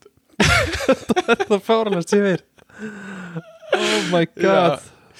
Já, ymmit Og eh, svona undir lokin þá var eins og mamma sagði Þá man ég að pappi þurfti að bera alltaf risastórt túpusjónvarp út í bíl, fara með það upp á rúf held ég, láta innsigla og kom svo með það tilbaka. Um, bara Æ. æðislegt. Shit, hvað Æðislegt. þetta er fyndið. Vá. Einmitt, einmitt, einmitt, einmitt. Uh, Já, og mamma, eins og mamma var að segja Já, já undir lokin var þetta bara því að þetta var fyndið, held ég. Uh, En- Eða eitthvað svona en- fyrir þeim, sko. Já, já, já. En eh, hún, það var líka eitthvað að sem sagt, það var litið á því smá svona hotnög Þetta var eitthvað svona Já, eins og þetta hafi verið gert fyrir sko fólk sem uh, var búin að sleppa afborgunum á rúf í kannski einhverja komin í vanskil eða eitthvað. Já, þá var þetta já, gert, já. held ég, að koma heim til fólks. En þú veist, fóreldra mínir, þeir bara pöntuðu innsiklun, skilur við Shit, hvað það er fyndið. Já, það er mjög fyndið. Uh, En, uh, já, ah, fuck, mjög fyndið. Uh, Vilt þú, vilt þú fara með síðustu þína? uh, Síðust, Já, ég, hann er ekki búin að senda mér eitt meira sko. Ok, var, kannski var ekki Kannski var ekkit eftir. Vá, Nei, hann sendi samt bara eftir Pöntun. Shit, sko, þetta er bara, þetta er eitthvað besta sem ég hef heyrt að þegar bara fóreldrar hef farið með sjónvarpið og látið bara innsig já, já, og þetta var sko ég veit ekki hvernig það hljómar fyrir aðra, en þú veist, þetta er komið bara rosa mikið inn í orðaforðan minn að innsigla sjónvarp skilur þetta er ekki lengur eitthvað svona skrítin, skrítið hugtak. Þetta er bara, inns, þú innsiglar sjónvarp uh, sem er svona uh, sem ég er ekkert viss um að sé á í svona í orðaforðanum hjá öllum sko. Og var þetta að fara í, í taugarnar okkur Já, alveg bara bilað sko. og hérna mér minnir líka ég man ekki alveg en mér rámar ég að þegar það gerðist eitthvað svona merkilegt uh, eins og uh, hvort, eitthvað svona eins og HM eitthvað sem þurfti að horfa á að pappi hafi sko brotið innsiklið og st stólist til að horfa orstöku Já, sinnum sko. og svo endur innsikla ég man ekki nákvæmlega hvernig það var en mér minnir að hann hafi hérna, einhvern veginn rifið upp pókan og stungi eh, við eitthvað svona, svona hátíða takkifæri sko. Man ekki nákvæmlega hvað það var. Vá, hvað þetta finnst Ég sé þetta sko þegar núna bara datt ég beintin á þráða blandbúnduris þar sem er ykkur Þú veist, þetta er frá 2008 sko. Þú veist, sem er, mér finnst Já. 2008 hljóma eins og bara, já, þú veist, það var margt bara svipað. Þú veist, fyrsti Já, já, iPhone-in er komin, skilur já, Og það er eitthvað eitthvað Ég er búin að vera án sjómas í rúma viku og ég verð að segja ég sakna þess ekki neitt. Ég er alvarlega að spá í að segja upp áskriftin á stöð 2 og láta þá hjá rú vita að ég hefi lagt sjónvarpinu. Já, Og- og svo kemur ykkur langur þráður og þá segir ykkur hérna Jú, uh, þú ferð með sjónvarpi til þeirra og lætur innsigla það Hefur samt aldrei gert það. Ég átti ekki sjónvarpi í fjöldamark ár og reyfst alveg heil ósku við þá vegna þess að þeir vildu samt rukka mig fyrir sjónvarp byggt á þeim rökum að allir eigi svo liðs Ég er sem sagt Já, að borga já. útaskjald og hef ekki tilkynnt það að ég sé búin að fá mér sjónvarp. Og hef ekki tilkynnt það að ég sé búin að fá mér sjónvarp. Þú veist, er einmitt. Var það líka partur að ég bara, herri, ég var að fá mig sjónvarp hérna, Mhm. veist? Þetta var sennilega þannig sko í gamla gamla daga að þú veist þegar voru bara ekkert öll heimili með þetta en ég man eftir þessari umræðu um þessi útvarskjöld að þú veist á einhverju tímpúnti gerði Rúf bara ráð fyrir að allir hefðu sjónvarp og bara létu bara alla borga. Og Já, þá já. þurftiru þá þurftiru að gera eitthvað svona undantekningu til að sanna fyrir þeim að þú væri ekki með sjónvarp eða aðgang á sjónvarpi. Og ég held að partur af því hafi annarkvort verið að fá okkur heimtíðin til að votta um það og mögulega innsigla sjónvarpi sem þú ert með eða hérna uh, eða, já, eða bara fá skoðun á heimilið eða eitthvað svo leiðis pældi hvað þetta er, sem er rosalegt. Þetta er rosalega svona uh, Aha. já, að þetta hefði bara mátt að Rúf hafi Ég bara mátt þetta. Bara ég ætla að koma heim til þín til að sanna það að þú eigir ekki sjónvarp. Já, já. Vá, magna Það er, þetta er ógísla fyndið sko. Ógæsla fyndið Ok, ok, heyrðu, glæsilegt. Uh, Þetta var sem sagt uh, uh, satt eða, eða logið liðurinn okkar. Um, var með nokkra fréttir sem ég langaði bara svona að hlaupa í gegnum. Fyrsta fréttin að því held bara hún sé fá svona frekar asnaleg. En það er sem sagt að koma inn á MBL uppskrift af beiglu, beiglu rétti ok, mat, maturislu réttur og uh, rétturinn og uppskriftin er bara svona þetta er heil frétt sem þeim fannst vir, þess virði að skrifa. Þetta er bara hérna, bara beigla beiglu botn eða eitthvað svo bara smurostur og lax. Já, og þetta er uppskrift hjá þetta er þeim. ekki einu svona uppskritt af bygglunni nei, nei, nei, nei, nei. þetta er þetta er bara þetta er bara svona eins og að gera, þú veist ristabröð með smjör og ost já, skink og osti. Eh, í mínum huga, er það ekki? Er það ekki jú. skrítið að skrifa heila fréttum um hérna, gyrnileg beigla með reyktum laxi og rjómaosti er, þú veist, heitir uppskriftin og svo er uppskriftin bara það sem fyrirsögnin segir það er bara, taktu beig, ristaðu beiglu settu rjómaost og, og hérna, lax og það er ekki svona tvist, þú veist, það er ekki svona salt og pipar eða einhver Nei, sko, það er, þeir tala um þeir tala um að þú getur sett dill eftir smekk þannig að þú veist, þeir sem vilja ekki dill eða eigi ekki dill þú veist, þá sleppa þér því og þá er þetta bara bygglað með rjómaost og laxi sem er bara titillinn, sko. Já, já, já.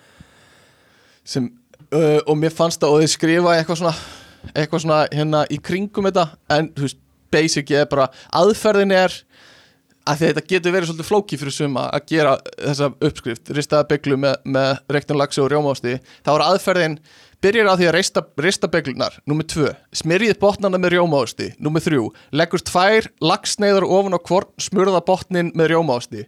Nummer fjögur, skreitir að lok, lokum með dillgreinum. Nummer fimm, Berið fram Dillgreinum. Hvað er ógíslega pyrrandi að fá þetta með dillgreinum? Ég veit það, alveg hrikalegt. Og hérna, berið fram með köldum freyðandi drikk eftir smekk.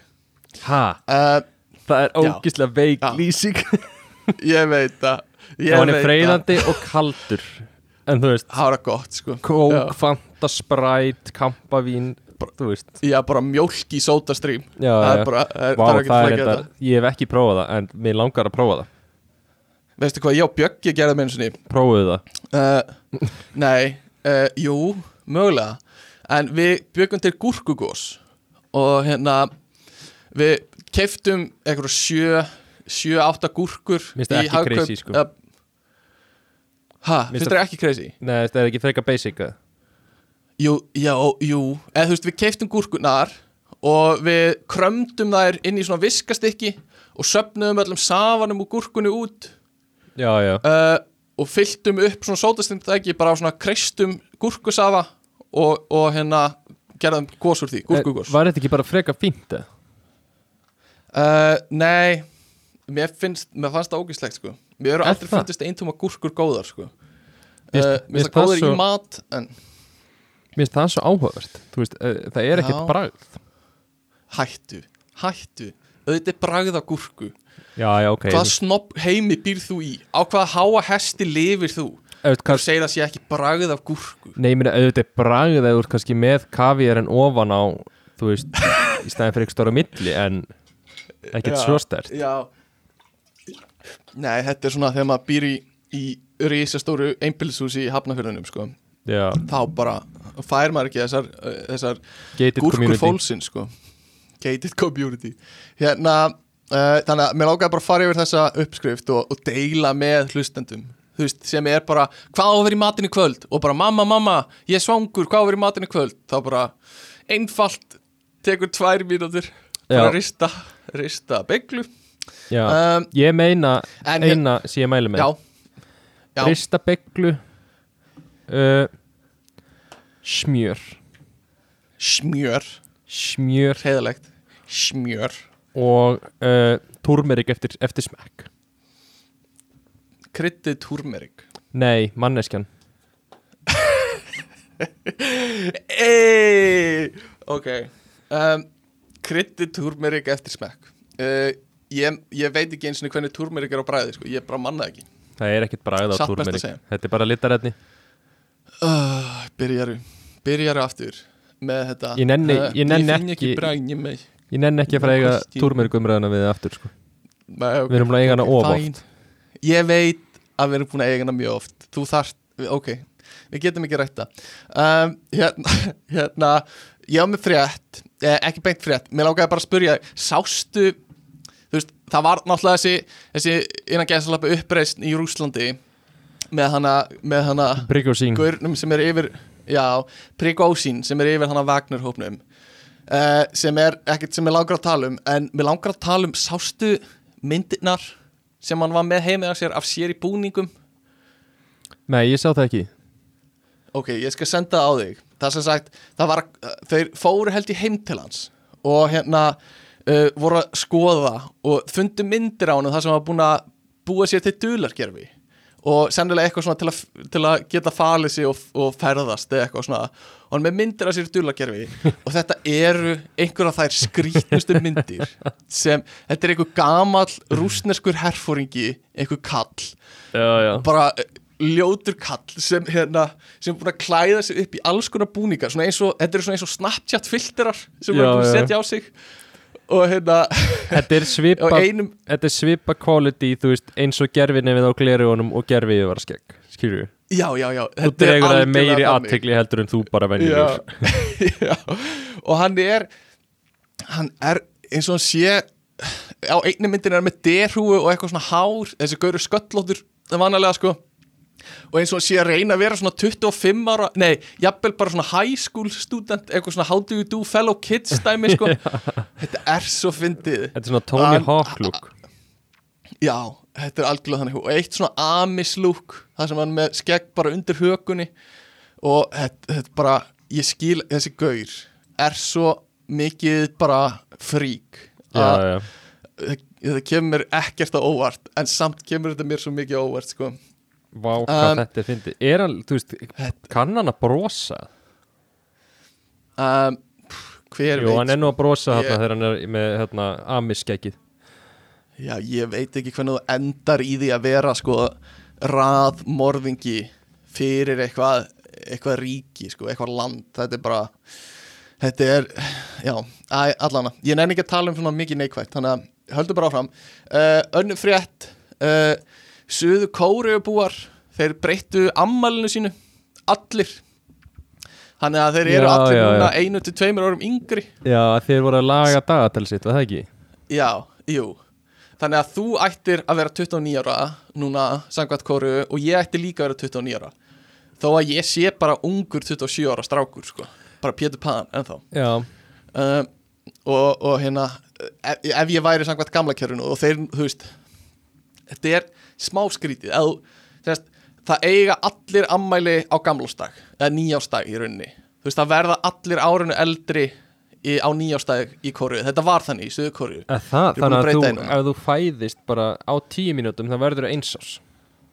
Já, nei, já, ekki, ekki bara það heldur, þú fæðist einsárs sama hvenær þú fæðist. En verður, er að tek, tekin með tíminn í maganum pluss þrýr mánuður, basically en verður þá Hvenær sem þú fæðist, þá hva, hvað segirðu? Nei, þú veist, þegar þú fæðist, þú fæðist tíu mínútur í gamlás eða nýjás, Já, verður þá tveggja ára?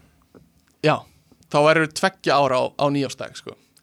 þannig að, að hérna, einhver sem er bara, þú veist bara einhverja mínútu gamall bara klukkutíma gamall getur verið tveggja ára samkvæmt kóru og það var þannig lengi vel á hérna uh, á skýrtinu þeirra að þú varst bara tveim, basically tveimur árum eldur en þú ert uh, en svo, þú veist, 1960 breytiði þannig að, að hérna á, á svona lög, lögfræðiskilurgjum og læknisfræðiskilurgjum þá notar við venjulegan aldur. En í daglegu tali ertu alltaf bara tveimur árum eldri. Já, já, já. Sem er, þannig að núna eru bara gauðra sem voru að verða þrítugir eru bara 27 ára allt í einu. Sem er alveg næs sko. Ég var alveg til í það. Ég var alveg til í að vera aftur orðin 22 ára sko. Uh, Forever 22 það, eins og Taylor.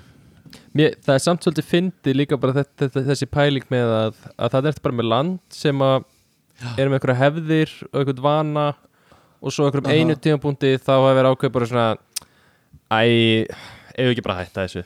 Þú veist, Já, er þetta ekki bara vitt gerir bara eins og hinnir skilur við Hei, krakkar, komið hérna, hlustið aðeins á mig. Ég þarf að segja ykkur svolítið.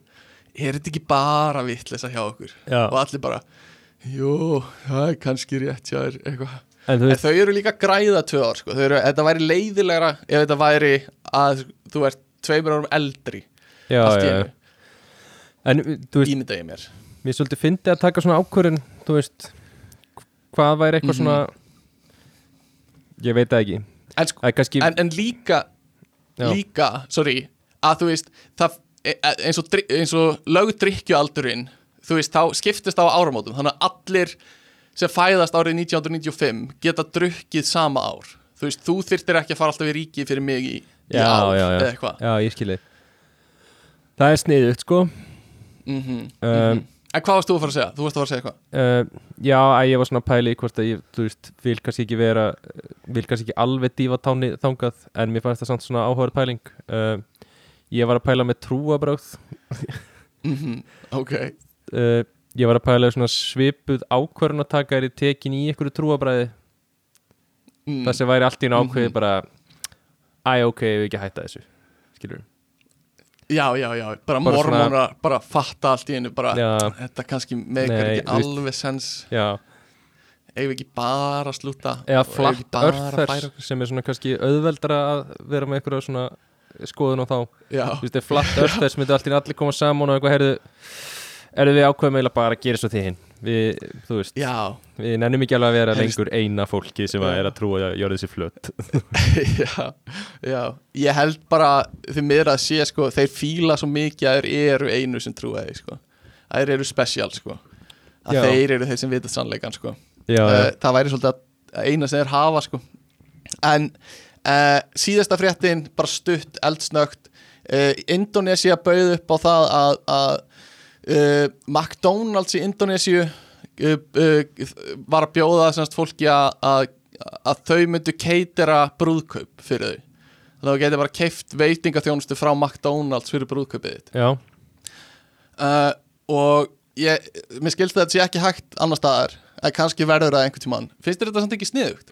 bara eins og Trump þegar hann bauð öllum fótboltamönnunum í hvítahúsið og allir að búast við einhverju næs fimmrétta máltið og svo bara Trump hamburgers, Sko ég verða við ekki hamburgers. Ef, að, ef að ég var að halda brúðköpum mitt á Íslandi mm, Mér myndi alveg finnast geðvitt ef á miðnætti myndi ekki rúla inn catering frá McDonalds. Já, það væri reynda geðvikt svona, seinni- þegar líða tekur á svona, kvöldi já sko. svona, kannski ekki alveg miðnætti en svona setna já. Alveg er Og svona fólk að fara heim og þá bara rúla inn Sérstaklega á Íslandi af Því að þú veist, Íslandingar eru alveg stjórnlausir í, í McDonalds Já. uh, Það er búið að búa til eitthvað svona Þú veist, við förum Já. til fyrirheitna landsins til að heimsækja gula sko. emmið. Já. Já. og fyr, fyrir heitna landið er bara öll önnur lönd í heiminum. Já, hvað sem er. Já, algjörlega. Og ég man í brúðköpunni á sýstuðinni það var geggjað. Hún kom með, var ekki litla pítsur þegar leið, jú, svona seint á kvöldi jú, þetta er algjört ký sko. Að hafa svona seintni máltíð klukkan 12 Já, eða eitthvað svo leiðis það er bara, það gefur svo mikið sko. rúla inn með vara langlöngurnar já, getur þú ímyndaðir. Allir búin að missa matið sinni í gólfið og vara Já, koma já. rúlandi inn Það er eftir bara að koma svona um nýju þetta er bara ein á milli. Það er líka hitt. Já, já, 100% uh, og uh, varalanglökur er eitthvað sem er að taka af stað uh, annar staðar veit ég. Þetta er að verða svolítið þing uh, en ég vil bara fólk muni hvar þetta byrjaði, skilur já, já, hver, hver byrjaði þetta? Mhm. Þetta er hérna mikilvægt að að- að hafa það þú? reyna ég, ég uh, er sem sagt uh, stopnandi og, og uppfinningamæður varalanglökunar alltaf gott að hafa eina varalanglöku uh, en allan, þetta voru frétti vikunar eigum við að, að bomba í bara að ljúa smá? Já, ljúa að þér? Já. Uh, Er þú lega kall? uh, nei jú, sennilega. Hmm, uh, mér, ok. ég mynd sko ekki á sko ekki á neitt særandi hátt en mér finnst alveg gaman að ljúga fólki. Já, ymmit Þa, það er, stund, Og- það og- stundur bara fyndið. Það er fyndið sko. Og, En gerur það ekki Horfur ekki og legar þegar þú lígur sem eitthvað svona ég er að gera þér greiða. Þú veist, þú, þú lígur ekki í svona aðstæðum þar sem þú Þú veist, er ég í ljótum buksum og þú segir Nei, nei, það eru bara, bara mjög sexy og hot og Stefán, rassiðin poppar svo mikið í þessu buksum Skilur, gerir þetta ekki á svona uh, til að svona lifta fólki upp? Hugsaðu ekki um þig sem svona þannig liða, liðakall? Uh, nei, ég geri það ekki sko. Nei, eða sko ef við erum Nei. að tala með góða vini mína ég meina, mm, þú veist. Já, já, já. Þá ertu bara hreinskilin eða þú veist ekki treinskilin, ég meina ég segi fólki ekkert eitthvað sem ég held að sé særandi en þú veist alveg Nei. hvað er skilur já, veist, já, ég, ég myndi alveg vita með vini mína hver, hver, veist, hvenar má ég segja bara hreinskilið út og það er ekki leðilegt og hvenar já, ymmit, hvenar ekki. Ymmit ok, við að taka smá roleplay? Já, þannig að ég þú veist, ég eh, var að, að hérna, gefa út bók. Já, ljóðabók og þú er búin að lesa hana og þið finnst hún bara ömuleg og þú, við erum í útgáðu hófinu, partíinu og þú ert nýbúin að lesa bókina og já, þú veist, kemur upp að mér. Og ég er bara, ég er í sælu vímu eftir allt þetta, öll þessi átök. Já, já. Að skrifa þessi bók og bara bara blessaði maður, hvernig hvernig finnst þér? Er þetta ekki geðveitt eða? heyrðu bara geðveikt, vel gert hjá þér maður. Ha, þú eru oft talað um að gefa út ljó- ljóðabók og bara Já, skeggja og láta verða þig Takk. Eða það, finnst þér, hvað fannst þér um fyrsta? Fannst þér ekkert yfir strikið eða? mm, nei, nei, alls ekki sko. Nei, ég held að fjórða Ok. var, þú veist, mér varst það skemmtilegast sko. Já, ymmit mér varst svona, Einmitt, þau eru ég svolítið, bara- ég var svolítið lengi að byrja og svolítið lengi að byrja kannski, ég svona fatta ekki alveg hvert, þú veist. Ó, já, hvert það var að fara, já. Já, ok. Fannst endaði það mjög vel Er það? Já, já. þér það í alvörunni gaman? já, mér varst það mjög Ok, fínt sko. ég, Mjög fín, ok Já. Ég bara, ég er svo, er þakkláttur fyrir allt ferlið og þetta sé búið og já, bara frábært hérna- framtak Ok, takk, sín eh, Þannig að þú myndir bara ljúfa upp í OPG á mér að þetta hafi verið fín Eh, ég, ég, ég laug ekkert að þér, skilur ég sagði Ok. bara fjögur hafi verið best og, þú veist, Já, enda vel og að mér fannst framtaki hjá þér mjög flott, skilur já, já, já, já, finnur þetta finnur svona það sem, já, svona góðu punktana, ljósu punktana já, já, uh, en það er alveg gaman að fokkast sko. já, já, og, og það er kannski það sem ég kalla svona að ljúa þegar þú ert bara að fokkast sko. og þú veist ég, eh, ég ég hef alveg gaman að því að fokkast og bara svona þú veist, segja ég nýlega hérna uh, Kristjana ásóldi bátt með þetta sko á erfitt með mig stundum já, uh, þú veist ég, ég hef alveg gaman að því til dæmis að vera í búðum með einhverjum og þú veist eins og ég og Kristjana vorum í IKEA um daginn og, og hérna, þú veist, ég kalla svona yfir búðina uh, til hennar eitthvað svona þú veist, þurfum við ekki vasselt lag þegar þú ert að pissa alltaf, eitthvað svona. Nei, og, gerður það. og Krist, þú veist, Kristína ásóldi erfitt með það til já, dæmis já, uh, sem ég gerði nýlega og svo þú veist uh, bara eitthvað svona in the moment dót sem ég gleymi svo að leiðrétta. Uh, eins og Já, já, já. Uh, þú veist það var stra strákur í vinnunni sem Kristjana þekkir sem var að, að selja einhver svona ólífolju sem pappi sinn var að flytja inn og labba um í vinnunni og svona setja á borðin og spyrja hvort að einhver vildi ekki kaupa það. Og ég keipti á hann um uh, olju hérna ólífolju bara svona að því það Býtu gaman og um næs. í vinnunniðinni já, já, Eh, einhver, já. er hann að vinna þarna? já, já, hann er að vinna hann þetta er strákur sem er að vinna hana og Kristjana þekkir hann og, og, hérna, og ég þekki En hann býtu, hvað mennur, og- veist, hvað, uh, hvernig tengist það Kristjana þekkjan? Þú ert að tala um í vinnunniðinni bara, já, já, já, býtu, le, já, býtu, leið mér að klára já, ok og ég kem svo með svona dunk af ólífolju heim og ég segi bara já, hann hérna, Nonni var að selja þetta fyrir pappa sinn, pappans er að sapna fyrir fótboltaferð með strákunum. Og hérna uh, og þú veist, pappinar er uh, nei, pappans er, þú veist og, bara frekar vel stæður og þarf ekkert peningan á Kristjana bara, ha? Í alvörunni? Uh, og, og hérna og, og ég eitthvað svona, já. Og hún svona, nei, í alvöru. Og ég fer svolítið inn í þetta og ég gleymi bara að leiðrétta þetta þannig að hún hitti svo strákin seinna, bara Ah. nýlega og bara já og er pappi eins og hva, að fara í fótboltaferð og gengur vel að sapna og, og hann bara, hvað Ah. er þetta að tala um? Æj, Að æj, mér æj fannst þetta svo mikið eins mér fannst þetta svo mikið eins og að hérna svona fólk gerir með krakkana sína. Að selja klósitpappir eða fer með í vinnuna og selja fyrir eitthvað fótboltaferð sem krakkan er að fara í. Uh, og gleynda að leiðrita það. Já, já En, ok, og það er, er ógislega fyndið. Það, það er líka, eða, veist, það er ekkert leðilegt við skilur þetta er bara fyndið. Nei. Ég meina, mm þú veist, Kristina hefði líka alveg geta lagt saman tvo og tvo þarna, sko. Veist, hún, já, já, og þetta var bara þau hlóðu bara yfir þessu sko. Og svo líka við fórum að fara í fara í, sorry að ég sé að segja einhverjum svona, einhverjum svona legasögu frá mér. Uh, en við fórum þess, þegar við fórum í hana bústað, fórum við með með þessum strák og kæristunni hans og öðru pari og þegar við vorum að kaupa í matin í krónunni þá hérna þá sagði ég Kristjánu að Nonni, þessi strákur hann væri alltaf að tala um svona buff frá Sambo sem heitir Nammigott og er svona pa pakki Já, já.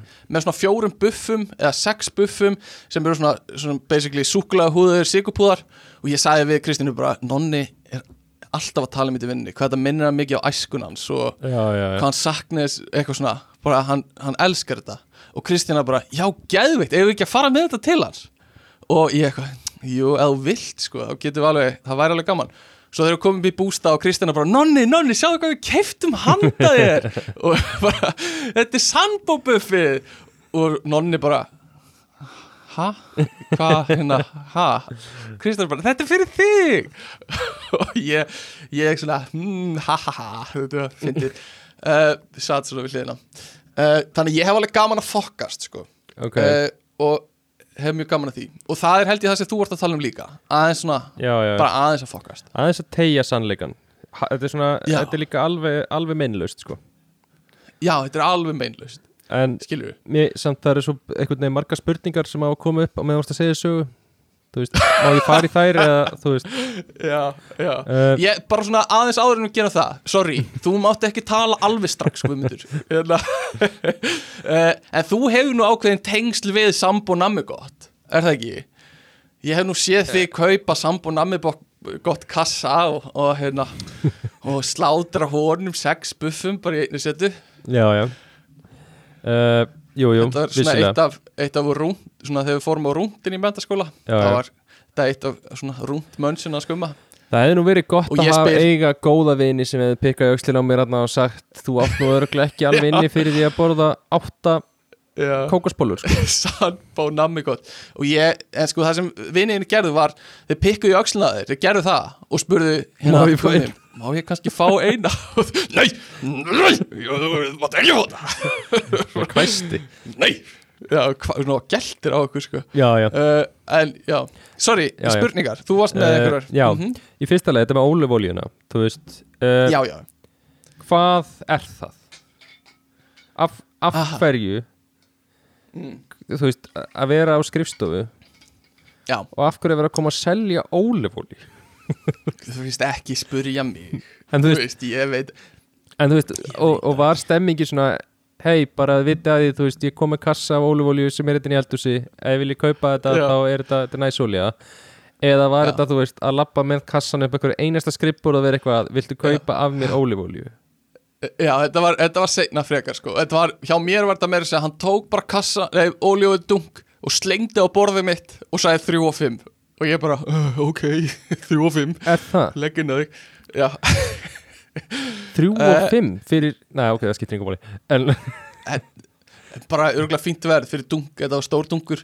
Ok, Um, en er, þú veist en- að þetta er fjáröflun, skilur þú veist og þú veist, vel stæður maður að, sem er eitthvað, ég ætla að fara inn í gangverk og selja ólefólju Já, já fekk svonsinn til að gera það sko. Uh, Og já, já, og hérna uh, uh, og, og þú veist, í- þetta er bara eitthvað hobby hjá hann að flytja inn einhverja ítalska ólífólju hann hefur sterk tengsl við Ítalíu held ég eða eitthvað svo leiðis og þetta er bara svona hobby og svona hans er bara, bara hjálp honum bara, ég, pabbi, hei pabbi ég skal fara með þetta nýr í vinnu. Er hann ekki, er, er hann ekki að vinna með þér? Jú Nei, no, já. hann er að vinna hana og hvað er 11 ára? Pabbi, já, jú, jú, já hann er svona, en býtu, nei, er ég er þetta, að grina sorry nonni, sorry nonni. Hvers son er hann? uh, non, Nonnason. Þetta er ekki, hérna, Emil Hallfredsson óljan, nei, nei, nei, nei, nei, nei. nei, nei, þetta er Alan Nonni Nonni sko. Já, já. Ok, um, mér mér finnst svona svolítið áhugavert. Ég, uh, já, uh, ég, þú veist veit ekki alveg á skrifstofunum minni hvernig, hvernig, hvort ég myndi nenni að væri alltaf fólk að selja mér klósetpapír eða ólífólíu, sko. Uh, Já, það er ekkert þannig sko. Þetta var, þetta var mjög bara basic, eðlilegt. Þetta var ekkert skrítið. Nei, það er ekki eitthvað sem maður segir skilur, fyrir hlutum sem voru ekkert skrýtnir. Hérna hlustundur, ég vil bara allir vita þetta Þú veist, þetta var ekkert skrítið sko. Já. Eh, Herri, en svo var hinn pælingi mér með að þú ferði í bústaðferð uh, með þremur pör eh, Já, við erum þrjú pör Hvað minnur. Er, Ég, ég fer með, er þetta bara þú, Kristján og Nonni? Nei, nei, nei, nei, nei. Við Ég fer par. með tveimur pörum. Já, já, já, Já, ég og Kristinn erum eitt par og svo erum tvö önnur pör. Ok. Og það er Aha. Nonni og, og kærasta, kærasti eitthvað? Já, kærasta, kærasta núna Og svo er eitt par í viðbúð Já, Og hver er það? Það er semst Kara og, og Rakel. Ég veit ekki hvað ég er að name, drop, name droppa þessu. Það eru Kara Bara- og Rakel. Já, Og vinkonur, hérna, ykkar. Já, þetta er í gegnum Kristínu. Já. Og Já. hvernig er svona að ég hef, þú veist, aldrei farið í þryggja para bústaðferð skilur, Aha, aha. Hvernig er svona Já. stemmingin? Yfirleitt svona keppni um hver er mest svona ástrík ástríka parið Þannig að það var á tímbil að bara allir voru bara í sleik á sófanum og bara sá sem hættir fyrst þau Mm. tapa basically og alltaf svona hversu oft getur þú sagt ásti mín og elska mín Já, Eh, já. og þetta er svolítið kepp, þetta verður keppni sko. Hversu lengi þú getur aldrei Uh, auksabandi? já, já, já, já, basically þannig sko. Já, og já. þú veist svo þú veist á kvöldin er hverjum mestur lætin og eitthvað svona uh, þannig að þetta verður rosa mikið svona keppni sko. Já, já, já, ok mm. og þú veist, emitt já, nei, nei, ég hef ekkert fleira spurningar eða þú veist, ekkert sem er Nei, eða þú veist, bara mér, Ok. okay. mér bara væri, þú veist, mér er aldrei búið í svona en það er alltaf nei, uh, fu- fuck off tölum við um Segðu eitthvað bara I rest my case uh, I og the witness is my yours. case. The witness is yours Segðu, I you. object Thank you, I object Sustain uh, Ok, en ertu Ok, ok, mín spurning er uh, Við hefum aðeins svona verið að daðra við þetta En er vond að ljúga? uh, Það fer eftir því hvað það er. Því ég veit að einhverju myndi segja bara öll lígi er, er ekki góð, er byggð á einhverju vondu. Um, Þú veist, þú átt bara að vera hreinskilin. Uh, Nei, Er þannig virkar ekki manneskja Nei, ég veit En er manneskja sem er alltaf segir satt Er hún, þú veist Er hægt að færa rauk fyrir því að það sé slæm manneskja? Uh, uh, uh, Já Þú ert, þú veist, stundum ef þú segir bara sannleikan, þá ertu stundum bara að vera mm Mhm. léleg manneska Já, já. En þú veist, þá er náttúrulega líka verið að velja hvenær þú talar og hvenær þú segir bara ekki neitt. Því er ekki alltaf að vera bara að móðga fólk að þú hefur einhverju skoðanir. En ef þú spurður um álit og segir satt uh, Er það ekki bara, er það ekki bara allt í lægi að segja satt? eða? Nei, það er það samt ekki alveg sko Ok Þú veist, að því ég meina það, það er ekkit alltaf verið að þú ert aðeins að lesa í, í aðstæður sko Þú veist, eins og ég Já. segi, þú veist Já, ok Í dag, þá hérna mm. uh, var ég semst með atvinnuvital Já, og svo kemur manneska sem er mjög spennt fyrir vinnunni og kemur í vitalið og, og svo, Mhm. ge- þú veist, kláruðu vitalið og svo spyrir manneskjan eftir vitalið um, bara, já, eða, mér langaði bara svona að vita, veist, hvaða feedback er þeim á mig, þú veist, haldi ég sé gott fitt eða, þú veist, hvernig, hvernig passa ég þetta hlutverk já, og yfirmaður minn uh, segir svona kannski freka taktlust segir bara já, þetta var bara við erum bara með marga kandidata sem eru miklu betri en, en, en það sem að þú komst hérna með í dag sko. Veistu, og ég held að þú sért bara þú veist, kannski eftir tvö ár myndur þú passa þetta, þetta starf en Ok. bara þú veist, þetta er ekki, ekki nú gott sko. Þannig að Einmitt. ertu svolítið sko, þú veist Hvernig var, hvernig, þú veist, sást, sást einhver svipreiði? Eða þú Eh, veist, var já. eitthvað svona man, uh, manneskjan eitthvað svona ah, mm, ok um, og leit svona niður og sagði svona í hljóði svona Ó. that's direct oh, no, Þannig no að það var ekki gott sko Ok En í, sko, myndi maður ekki vilja í svona atvinnu viðtali samt fá að heyra, sko, uh, af hverju þetta er svona? Þú veist, ég- held að margir, þú veist, vilji vita, veist, hvað get ég gert betur? Þa, þá finnst mér alveg eðlilegt að vera hreinskilin. Jú, en ef jú, þú jú. segir bara, þú veist, þú ert slæmur kandidat, bless. mm, Þú veist, þá veist ekki hvað þú getur bætt þig. um, ég held samt, þú veist, þarna held ég jú, en það er líka sem, þú veist, þú vilt segja. Þú vilt segja bara, já, þessi partur var ekki uh, Já. ekki, þú veist, þú varst bara ekki með nógu mik mik mik mikla hæfileika í þessum hérna hluta eða þetta klikkaði svolítið hjá þér.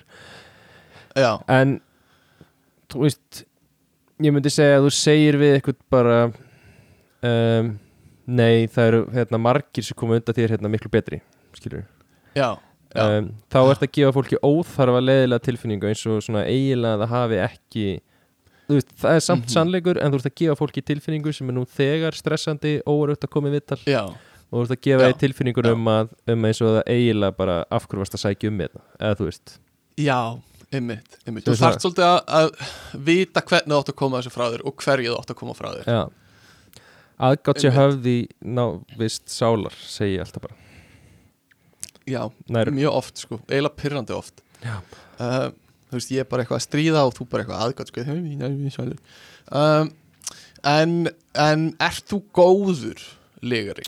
um, Ég vil meina það sko Mm -hmm.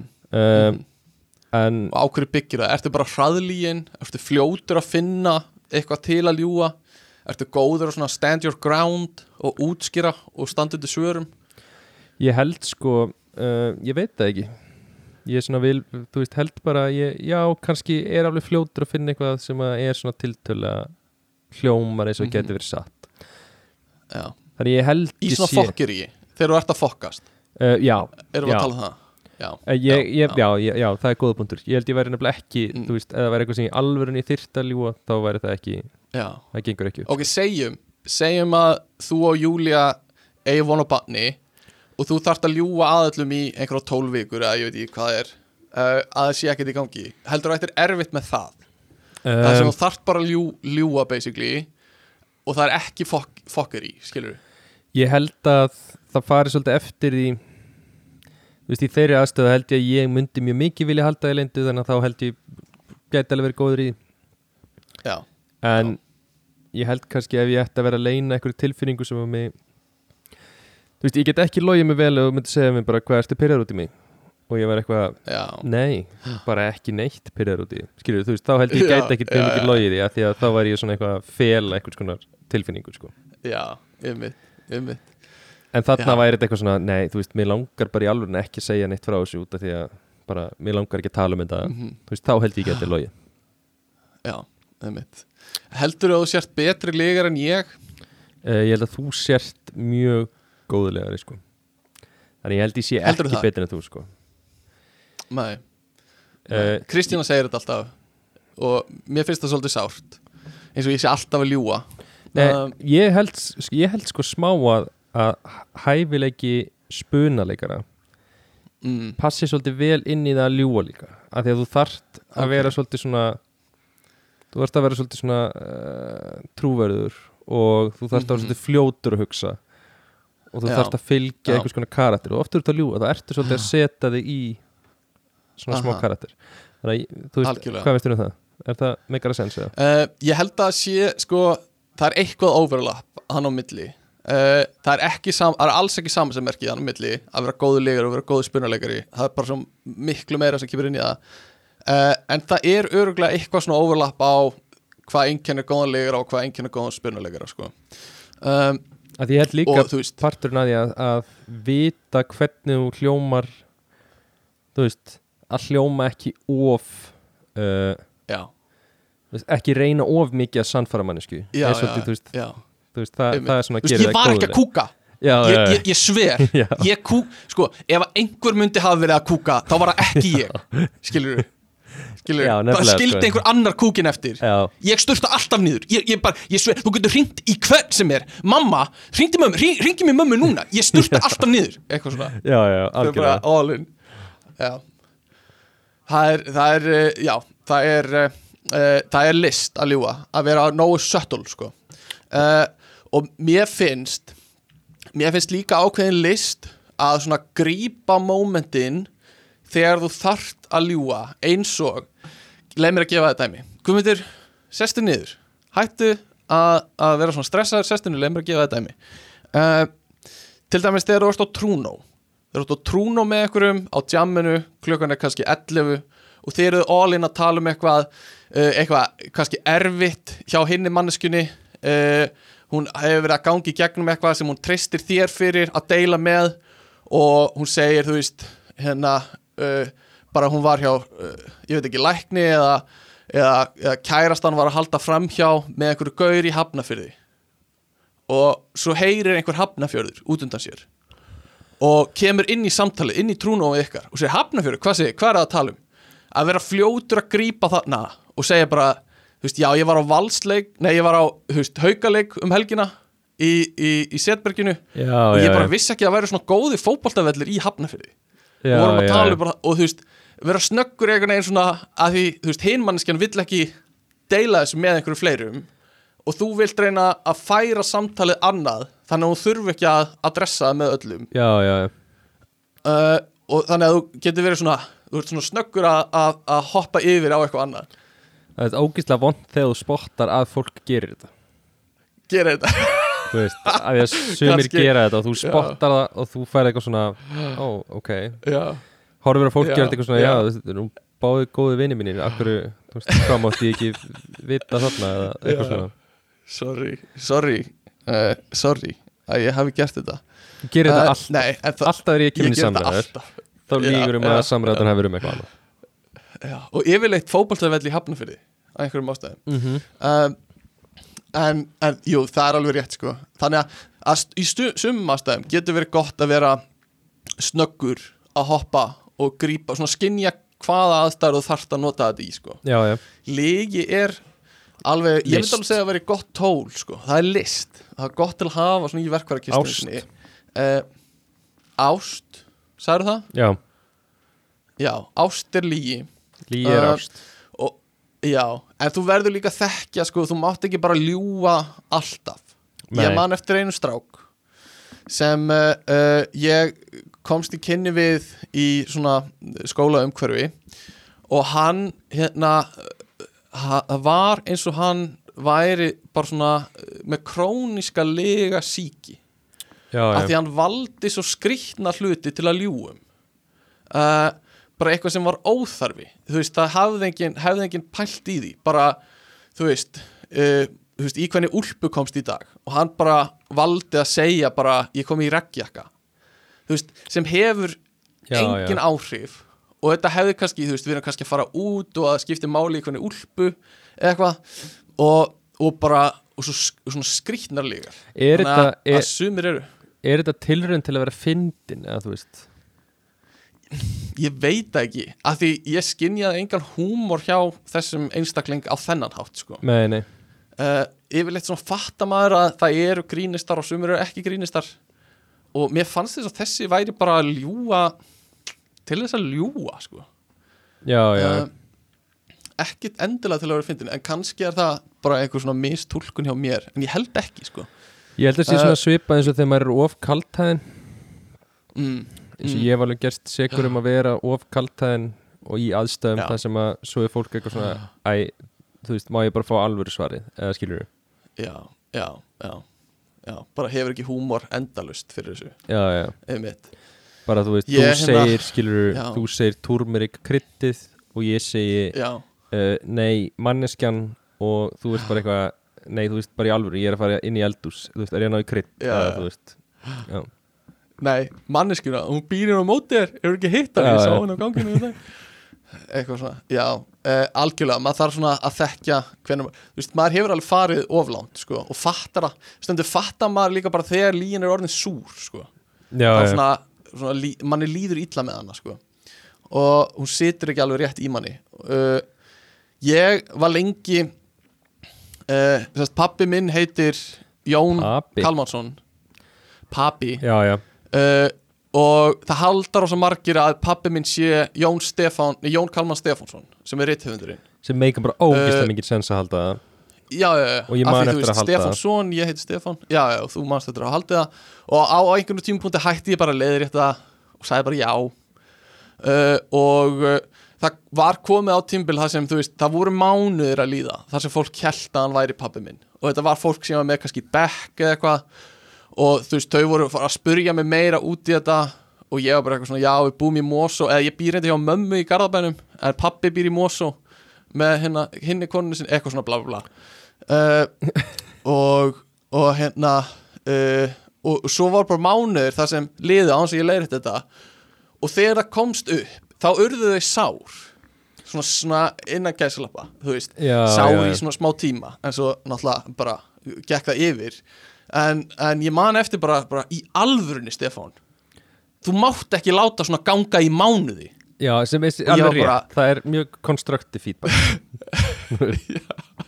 Það er það sko. Uh, það er það.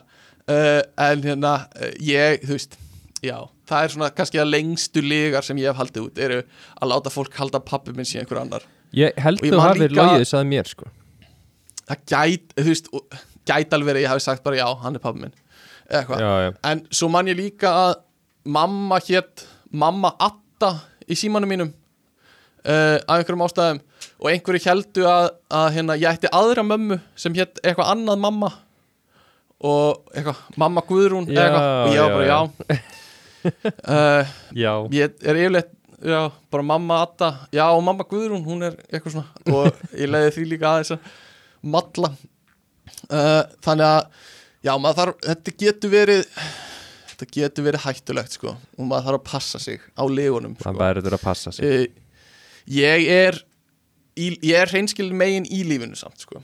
Þó ég hafi gaman að því að fokkast þá þá trúi ég á að það sé eitthvað gott í hreinskilinni sko. Uh, sé ákveðin fegurð. Já, ákveðin fegurð í hreinskilinni já ég, ég, jú, jú Ég held að sé alveg rétt sko. Ég held að, svona, ég held að sé ákveðin fegur í því þegar þú ert með fólki sem að þú treystir. Já, ok. Ok, það, við erum sammála um það. Og uh, það er bara allt gott og blessað. Um, er til eitthvað sem er sannleikur? Er, er allt afstætt? Vá. Er eitthvað með Nietzsche á náttbárunu? uh, já þetta er nú reyndar mill frekar sko. Já, já, þetta er Ah. mill og frelsið hans mill sko. Já, já. Og Eh, verðum við sko must we mean what we say sko? Já, hvað fælst í því að, vera hreinskilin sko? Um, Já, en ég held að sé til sannleikur. Mm. það er eitthvað eitt alltaf rétt. Um, Ég held sko ef þú spyrð um, ef ég spyr þig út í eitthvað tilfinningu á þér já, þá er rétt svar við því. Einmitt. Og það er ekki þú veist, að ég held þú sért svona í þá átt að skilur það sé allt bara svona sa- sannleikurinn frá okkar sjónarhóttni einhvern veginn. Mm -hmm, mm -hmm. en ég held að þarna er spurningin líka út frá þínu sjónarhóttni já, einmitt.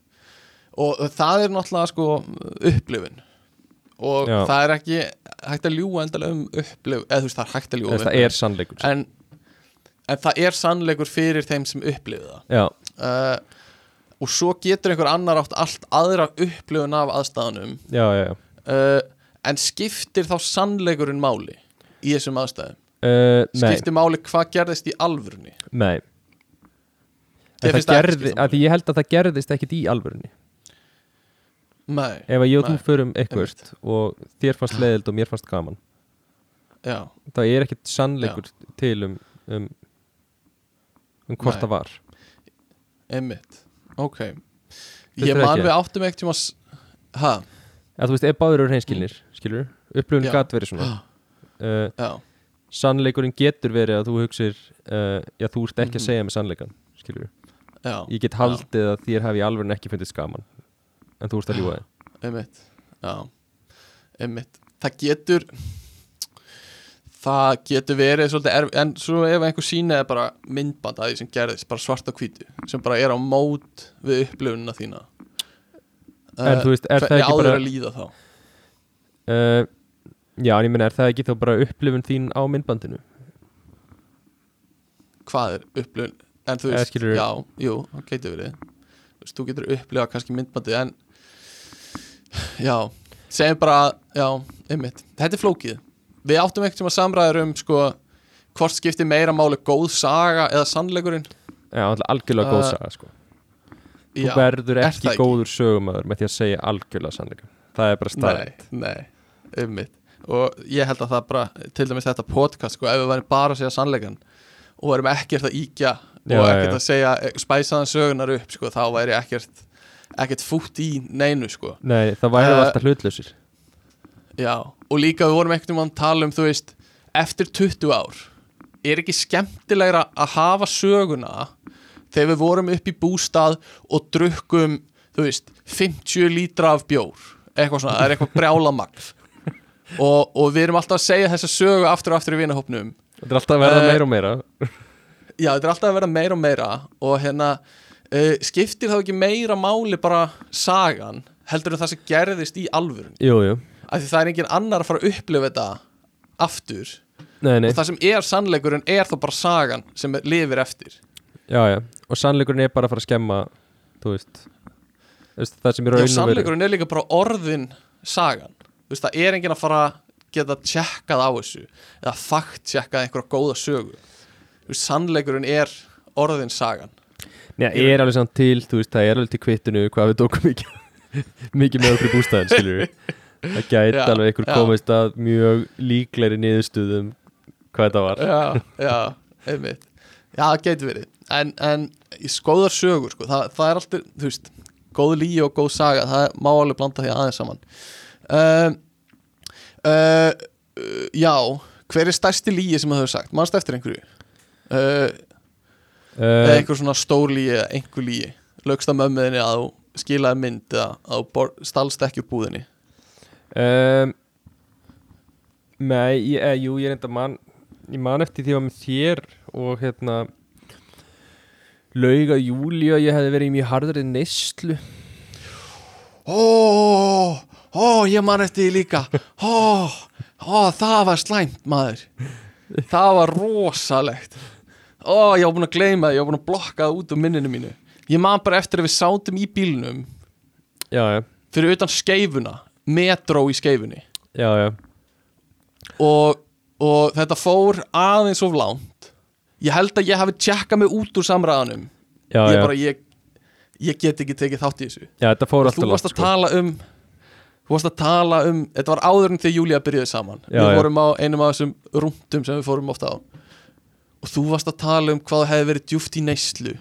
Og Júlía bara oh my god gummi, í alvörunni og hvernig er allt í lægi, eitthvað svona. Já, þetta var, Og- þetta var mjög slæmt sko. Og svo, þú veist ég held að Júlía hafi verið alveg smá pyrruð þegar loksins Já, skiljanlega sko. Já, En þetta var bara einhvern En- veginn, þú veist Það er eitthvað Mm. svona þegar þú byrjar að ljúga og svo ertu fyrir að upplifa þig í einhverjum aðstæðum og þið langar einhvern veginn þið langar einhvern veginn að kanna það aðeins meira þú veist. Já, já, já og svo kemur a- momentið þegar þú svona ok, ég er búinn að kanna þetta svæði uh, en ég er eiginlega of langt í burtu til þess að Mér langar ekki að segja stopp sko. Já. já, ég, en uh, ég eiginlega get ekki hægt að, núna. Júlía Já, sagði mitt er, Júlía heyrði þetta í bakgrunn hún sagði mitt já, traumatizing þegar ég, ég byrjaði að segja frá þessu. um, uh, bara skiljalega greiði Júlía sko. Já, um, Ok, ég var að hugsa við að taka einn lið og svo símtal? Já, Ok uh, Ég fann svona lista yfir legar sem eru svona algengar í samfélaginu uh, sem, þú veist, við trúum öll og lifum einhvern veginn eftir en er bara bull. Já, og það er til dæmis að demantar sé eitthvað sé eitthvað merkilegir og sé eitthvað sé eitthvað sjaldgæfir. En demantar eru bara mjög algengir uh, en það er bara stjórn, mjög góð stjórn á því hversu mikið af demantum kemur í umferð og uh, þú veist markasverðinu með auglýsingaherferðum. Já, já, já. Er þetta mjög boring Nei, að segja þetta? Nei, ég bara svona bara var eitthvað að pæla í því þú veist, þú veist make alveg sens fyrir mér þetta væri ekkert það að því að þú veist, það eiga allir eða mjög margir eiga ykkur skonar demant. Þetta er í Mhm. búðum allstar en já.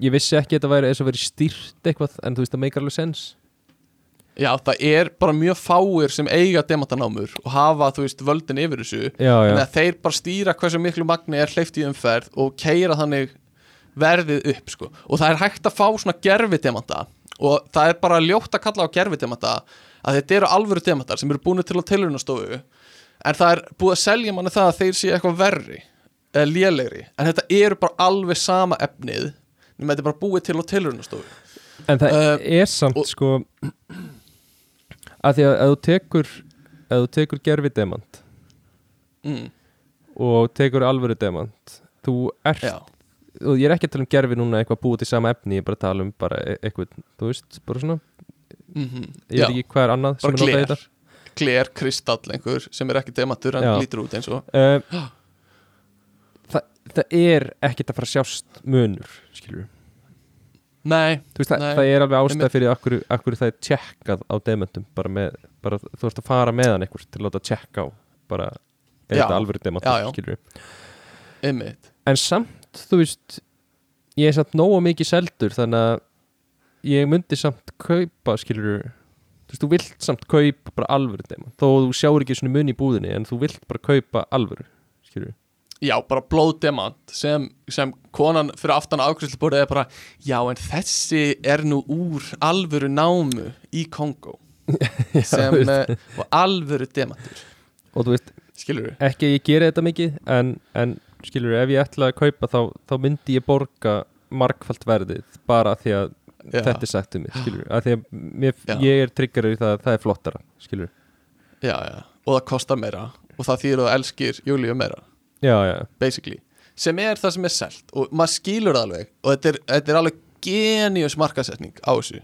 Þetta er algjör snild sko. Uh, en bara, þú veist, það er ekkert bak við þetta. Uh, önnur svona staðreind uh, mís það er fíla ekki ost. Það er bara get ekki melt ost Já, það? En það er einhvern veginn alltaf í samfélaginu að, að gefa músum ost. Sérstaklega eftir teiknumynda eitthvað svona En ég Tom og meina- Jenna dót. Já, ok, en ég meina setur ekki ost á músagildur eða? uh, bara af því maður heldur að mís fíli ost En ég meina, þú veist, fara er ekki í gildruna? Uh, það gæti verið að þeir svona sniffi að því og, og kannski myndu borða það ef þær uh, eða, þú veist er enginn sem stoppa þær en þú veist það er ekki gott fyrir þær. Þetta er eins og það er ekki gott fyrir endur að fá brauð. Uh, þá er ekki gott fyrir Nei, mís það er samt meira að spurningu ost. langar því í það. Ég held að sé enginn að hugsa eitthvað. Músum finnst ost Þú veist, við Já, þið en en þú enginn eitthvað býtu Náðar að melta þennan ost eða Já. Já, uh, eru þeir kannski keto? Um, en hérna nei, en þú veist það er það myndir borða fullt annað líka það myndir örugglega borða bara nánast hvað sem er sett niður. En bara þær er ekki gerðar til að melta ost. Um, svo er önnur svona samfélagslega líi sem samfélagi heldur gangandi. Uh, þú getur gert hvað sem er þegar þú verður eldri. Já, já, já. uh, það er bara líi þú getur ekkert gert allt. Það er alveg einhverju skorður á þér. Já, já. uh, eftir í bara hvað þú fæðist og með hvað hæfileika þú ert með og, og eitthvað svona uh, þetta er mjög falleg hugsun um það að allir geti klifið stegan sko. já, já, uh, en bara í raun heiminum það er það bara ekki þannig. Já, uh, þú svona, getur reynd og reynd að verða leikari og ger, gefur bara allt í þetta. Og á móti hverjum einum sem kemst í Hollywood mynd eru svona 10.000 í Hollywood sem eru ekki meikað og fara heim bara 70 og meikaðu aldrei. Já, en þetta er líka svolítið fólkin að kenna sem meikar af því að þú veist, það er ógislega klassist að þú meikir það og svo býrðu Mm. til fyrir sjálfum að einhvers konar sannleika yfir það að allir geti gert þetta því að þetta gekk upp fyrir þig Já, algjörlega Þetta er svona Survivors uh, Já, þetta er hérna Survivor bias sko. Svo eins og þú Uh, vorst að kenna en- öðru fólki að vera mest í gerfingenda sérfræðingur landsins Já, veist, þetta væri þú svo ert- sem ég væri að segja geta hver sem er já, já, Það er já. ekkit satt Nei, skilur. Það er blanda bara af hæfileikum, metnaði og svo bara tilviljun. Já, já, að, að fólk lendir í einhverju og þú getur ekki þú veist, þú getur ekki sagt og líka bara, þú veist útliti og, og þú veist, það er bara leiðilegt að segja það, það ætti ekki vera þannig. Já, en bara útlit og líkamlega geta skipta máli. Mhm. þú veist, það geta ekki hver sem er orðið sterkasti maður heims. Eða þú veist, unnið kraftlitingum eða verið ballettdansari eða, eða fimmleika stjarna eða eitthvað, það fer bara algjörlega eftir líkamsbyggingu og þú ræður því ekki.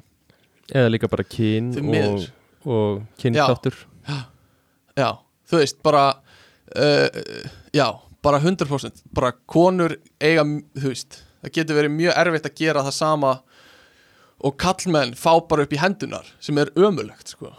Mm. og öll kyn bara að það er ekki jafnt uh, þannig að þetta er, þetta er svona leðilegi en samt sem áður, þú getur auki líkuna þeinar á því að eitthvað gerist umtalsvert að þú leggur vinnuna inn, Já, það já, er 100% þannig en það er ekki hægt að garantera það sko. Sem er náttúrulega bara Um, staðan með allt saman. Já, já, þú getur bara auki líkur já. á einhverju. Þú veist, við höfum núna verið að gefa út eitt besta podcast á Íslandi í þrjú ár. Uh, og uh, það er ekki nóg að gera gott content sem allir sem hlusta fíla uh, heldur hérna, heldur uh, er líka tilviljun og hefni að fá, fá þú veist hérna, Sigur Beintens til að hlusta á einn þátt og hún postar á Twitter og, og hérna huge, hún postar huge upprópunumerki og link á Spotify okkar Já. og þá allt í hennu byrja boltan að rúla en skilur já, það er bara, það er tilviljun sko.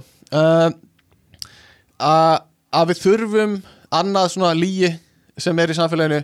Líin að við þurfum að vinna 8 tíma á dag uh, er bara mesta líin sem er haldið gangandi af, af peningaöflunum sko. Uh, og við höfum rætt oft og ég nenni ekki eða miklu tími í Nei, en nei. 8 tíma vinnudagur er einhver, einhver stæðsta líin sem allir eða flestir í samfélaginu taka þátt í. Eða líka Uh, líin að við þurfum ekki að vinna 8 tíma á dag líin að við segðu mér, segðu mér meira. Líin Segðu að mér þú meira. þurfi bara eða hálftíma í farsímanuðinum og getur orðið miljónamæringur Já, já, já 100% Þetta er, það er aðeins það er annar póll sko. Það er svona að hver sem er getur orðið stjarna bara af því að, að hérna gera ekki neitt Já. og vera, þú veist, vera lattur það er ekki alveg rétt sko. Uh, og svo lík hitt er bara svona hverstagslegur vinnudagur sko. Þú veist, að sjálfsögðu ef þú ert með ef þú ert með einhverja drauma og einhver svona, einhver markmið sem þú þarft að ná, þá þarft að leggja vinn í það. En bara það að þú viljir eiga fyrir uh, mat og pening og húsaskjólu fyrir fjölskylduna þina að við þurfum að vinna 8 tíma dag til þess að eiga fyrir því er bara kjaftaði sem, þú veist, hefur verið komið á á, þú veist, hundruðum ára. Já, já, mm, og uh, já, gæti talað um það. Uh, önnu lígi sem er mjög algeng í samfélaginu uh, og ég hef heyrt svona marga talum og margi trúa. Uh, ég var senast ekki kosin eftir sóta til Piparsvein Íslands árið 2015 um, eh, Er það þá að, að því að þú varst kosin? Nei, nei, nei, ég er að segja ég var ekki kosin, sko. Ég veit að marg, þú veist, þetta er svona En er líin að þú hefur ekki verið kosin? Nei, líin er að ég hafi verið kosin. Málega er að ég var ekki kosin eftir sótast til Piparsvein í 2015 Vist, ég var tvítur, ég var 19 ára Skilur, ég var bara ungur ég var ekki á neinu vettfangi til að gera mig frægan. Það vissi enginn hver ég var á þessum tíma. Ég hefði ekki getið að vera kosin þó að margir haldi það. Já, já, já. Skilur við ég var ekki kosin nei, nei, nei, og, og ég verð bara að byggja fólk um að hætta einhvern veginn að halda þessari lígi gangandi. Fólk þarf bara svona að taka ábyrð á sínum eigin já það er að það er að tala um uh, að það hefur verið kosin já já gott Já, að já, þú já. skildir. Nei, þú veist, já, þetta er bara svolítið flókið þú ætlar að flippa, þú veist skilur, já, ekki, já, já, að ég segja ekki ymmit, ymmit um, og kannski síðasta sem við getum talað um er að hrista pól, Polaroid myndir. Já, já. Uh, að það ger eitthvað fyrir myndina. Mér finnst það ógísla fyndið að það er- er hoppað yfir eitt liðilega punkt þetta er partur af því, Guðmundur, að stjórna þætti er að ég þarf að finna væpið sem er í gangi þættinum. Að því Guðmundur er að benda á að ég er með í handritinu mínu einn annan punkt sem ég gæti sagt hérna en ákvaða að hoppa yfir hann. Það er bara því ég sem stjórnandi þáttarins þarf að halda væpunu gangandi og halda þættinu gangandi. Uh, þannig ég hoppaði yfir annan einn punkt. Já en Um, ég hef aldrei heyrt þetta með að hrista Polaroid myndal myndavélar, Já, nei, nei, nei, nei. Þetta eru myndinar já. Þú hristir ekki myndavélarnar. Já, já, já, ég skil. Já, sem sagt, þegar hún, er að, þegar hún er að koma út Nei, þegar, þegar hún er Já. komin út og hristir og þá, já, ég skil. Það gerir ekkert að hrista Polaroid myndir. Ná, En það er samt eitthvað við, einhvern veginn að fá svona bara yfir höfuð þetta spjald í hendurnar sem að lætu líðins og eigi að hrista þetta eitthvað, þú veist. Já, já, já, já. Og, og hérna, þetta er svona eins og að klem þú ert með grilltöng og þú klemmir hana saman Bara til að tjekka hvort hún virki uh, Já, já, já, Þetta er svona sama, þeir finnst þú þurfa að gera það sko. En ef eitthvað er ekki- það áttu bara já. hmm, Ég, bara, ég myndi, ég, ég gæti ekki þú gætir ekki rétt með grilltöng og ég myndi, Já. þú veist, ekki klemminni skilur það, Nei, það væri ekki hægt 100% Nei, það bara passar ekki Það bara samræmist ekki lögmálum uh, raunuruleikan sko. uh, en, uh, en Polaroid frekar bara flippa þeim við Snúa þeim á kvolf og leiða þeim að vera í myrkri Framkallast í myrkri. Uh, Það er eð, En ég er ekkert þessum að gera neitt heldur Bara taka myndin og leiða henni að framkallast sko. Já, bara slaka á. Ekki Bara- hristana Bara slakaðu fucking á maður.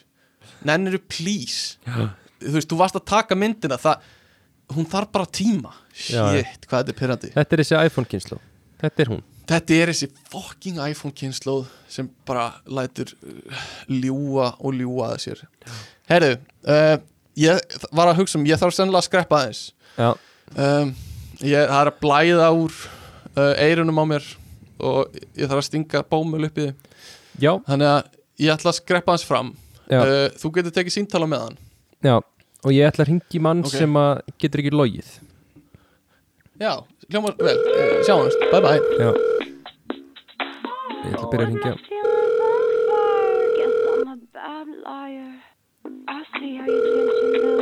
Já, góðan dag. Já, góðan daginn Sigfús Já, góðan daginn. Já, Sigfús. Já, hvernig hefur þetta?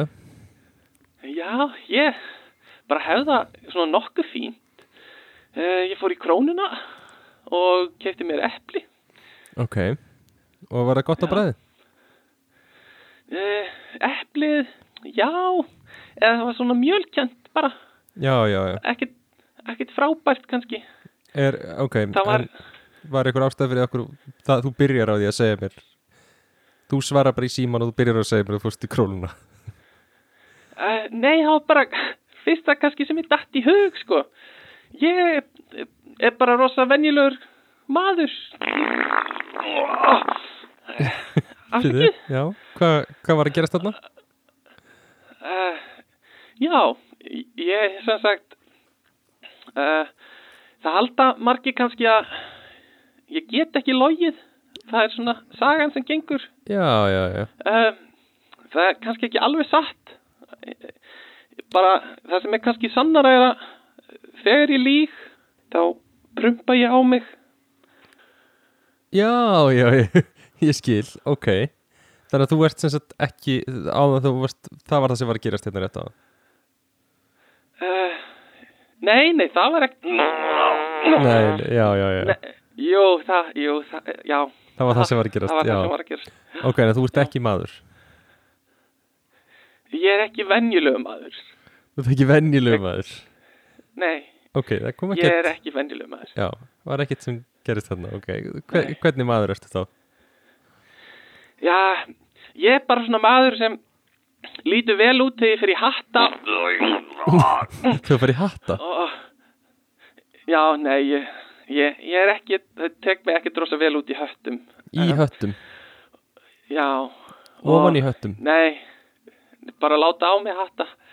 Já, já, já, já Ég er bara svona, fyrir utan það er ég, er ég alveg venjuleg. Ok, en þú er gaman að því að, að lá- láta á því hatta Uh, já, ég hef mjög gaman að því og veit ekki af hverju samtala okkar er að snúast um hatta akkurat núna Nei, ég held að þú hafið hef, beitt í þongað nei, ég held að þú hafið nei, já, já, það rétt já, ég, Já, ég, ég, ég gerði það ok En viltu tala um eitthvað annað? Eða langaði að tala um hatta? kannski, ég, við getum talað kannski um vinnunum mína Við hvað vinnur þú? Eh, ég er saksóknari. Ég er ég er forrið ég er ruslakall. Ok, þú ert ruslakall og eru gaman að vinna inni? Já, það er bara mjög skemmtilegt fólk sem ég er að vinna með. Sérstaklega Pálm Ekki Pálmi, hann er ekki eh, Ég hef mjög gaman að röggvaldi Já, er gaman að röggvaldi Nei, ég hef ekki rosa gaman að röggvaldi uh, Býtu, Ég- nú sagður Nú sagðist það var gaman að röggvaldi Og gerist ekkert. Nei, ég hef ekki gaman á nú, Ég hef ekki rosa gaman að röggvaldi Já, þannig að þú varst að ljúga þegar þú sagður að það er gaman á hann Já, ég var að ljúga. Já, Ég sagði að það var gaman á honum. Ok. Þeir eru svol, svolítið að stríða mér alltaf Strákanir ok, hvernig þá? Svona sp- spyr, spyrja mig eh, eitthvað eins og hvort ég hafi einhvern tíma að pissa á mig og eitthvað. Já, já, hefur þú pissað á þig? svo plæja þér rosa mikið. Nei, ég hef aldrei og ég hef pissað á mig. Já, já, já. Ég, ég, ég pissaði á, mig í bíói. Nýlega uh, ég fór á ég fór á Transformers. Nei, ég, ekki, ég fór á Mario myndina. Mario myndina, já, já, já. Bara einn, Bara einn, satt í salnum aftast. Já, já, já. Og ég hef bara gaman af skærum litum og og þú veist Chris Pratt er svolítið skemmtileg líka. Já, ég Ég veit ekki alveg þú veist, Af hverju erum við að tala um þetta? Af hverju er ég að tala Af hverju er ég að tala við þig? ég held kannski ég veit ekki, þú ringdir í mig. Ég, Og þú veist Er venjulegt að að þú áttu mikið að samtala við fólk bara sem ringir í þig? Bara án samhengis Eh. segir því frá? já, fólk er alltaf að ringja nei, reyndar. Það gerist já, ekki ekkert átt rosa marga vini. Nei, nei, nei. fólk er ekkert rosa mikið að ringja mig sko. Þannig að þú ert tilbúin að tala við bara hvert sem er sem ringir í þig. Í rauninni sko. Bara spjalla og, og ég, þú veist ég hef mjög gaman að því að, að til dæmis spila FIFA ah, FIFA já, já. Ekkert svo gaman að FIFA Nei, Hefur gaman að spila eitthvað ekki gaman. Eh, Bratsleikin Bratsleikurinn, já Segðu mér, hvað veist þið gaman að spila Bratsleikin? uh, klæða bara dúkkur upp í föt en já ekki dúkkur í alveg Nei, nei, nei, nei. Nei. Nei, Jú, já, farlegt. fullt af dúkkum. Já, já, hellingadúkkum Já, ok. Já, já, s- 70 dúkkur 70, já, Nei, það er ekki rétt. Já, dagins 700 dúkkur Ég held að þessi myndi slæta. Já. Ég var alveg viss að En var þetta eitthvað tíma, þú veist, gerðist eitthvað við á einhverjum tímapútið sem að þú, Já, þetta er bara taugabóð skilst mér. Já, já, og, og þú veist, alltaf þegar ég lík þá fara taugabóðin af stað. Já, já, já? Taugabur, já. Fara að tauga og hvað gerist, segðu mér, mér aðeins meira frá því hvernig þetta virkar Taugabóðin fara á stað Viltu í alvörinni heyra, viltu í alvörinni heyra hvernig það virkar? Mér langar að heyra allt Núna gruna mig svolítið að þú viljir ekki heyra hvað ég hef að segja. Jú, ég bara Ég vinn átta... Ég vinn fimm tíma á dag Já, og strita í...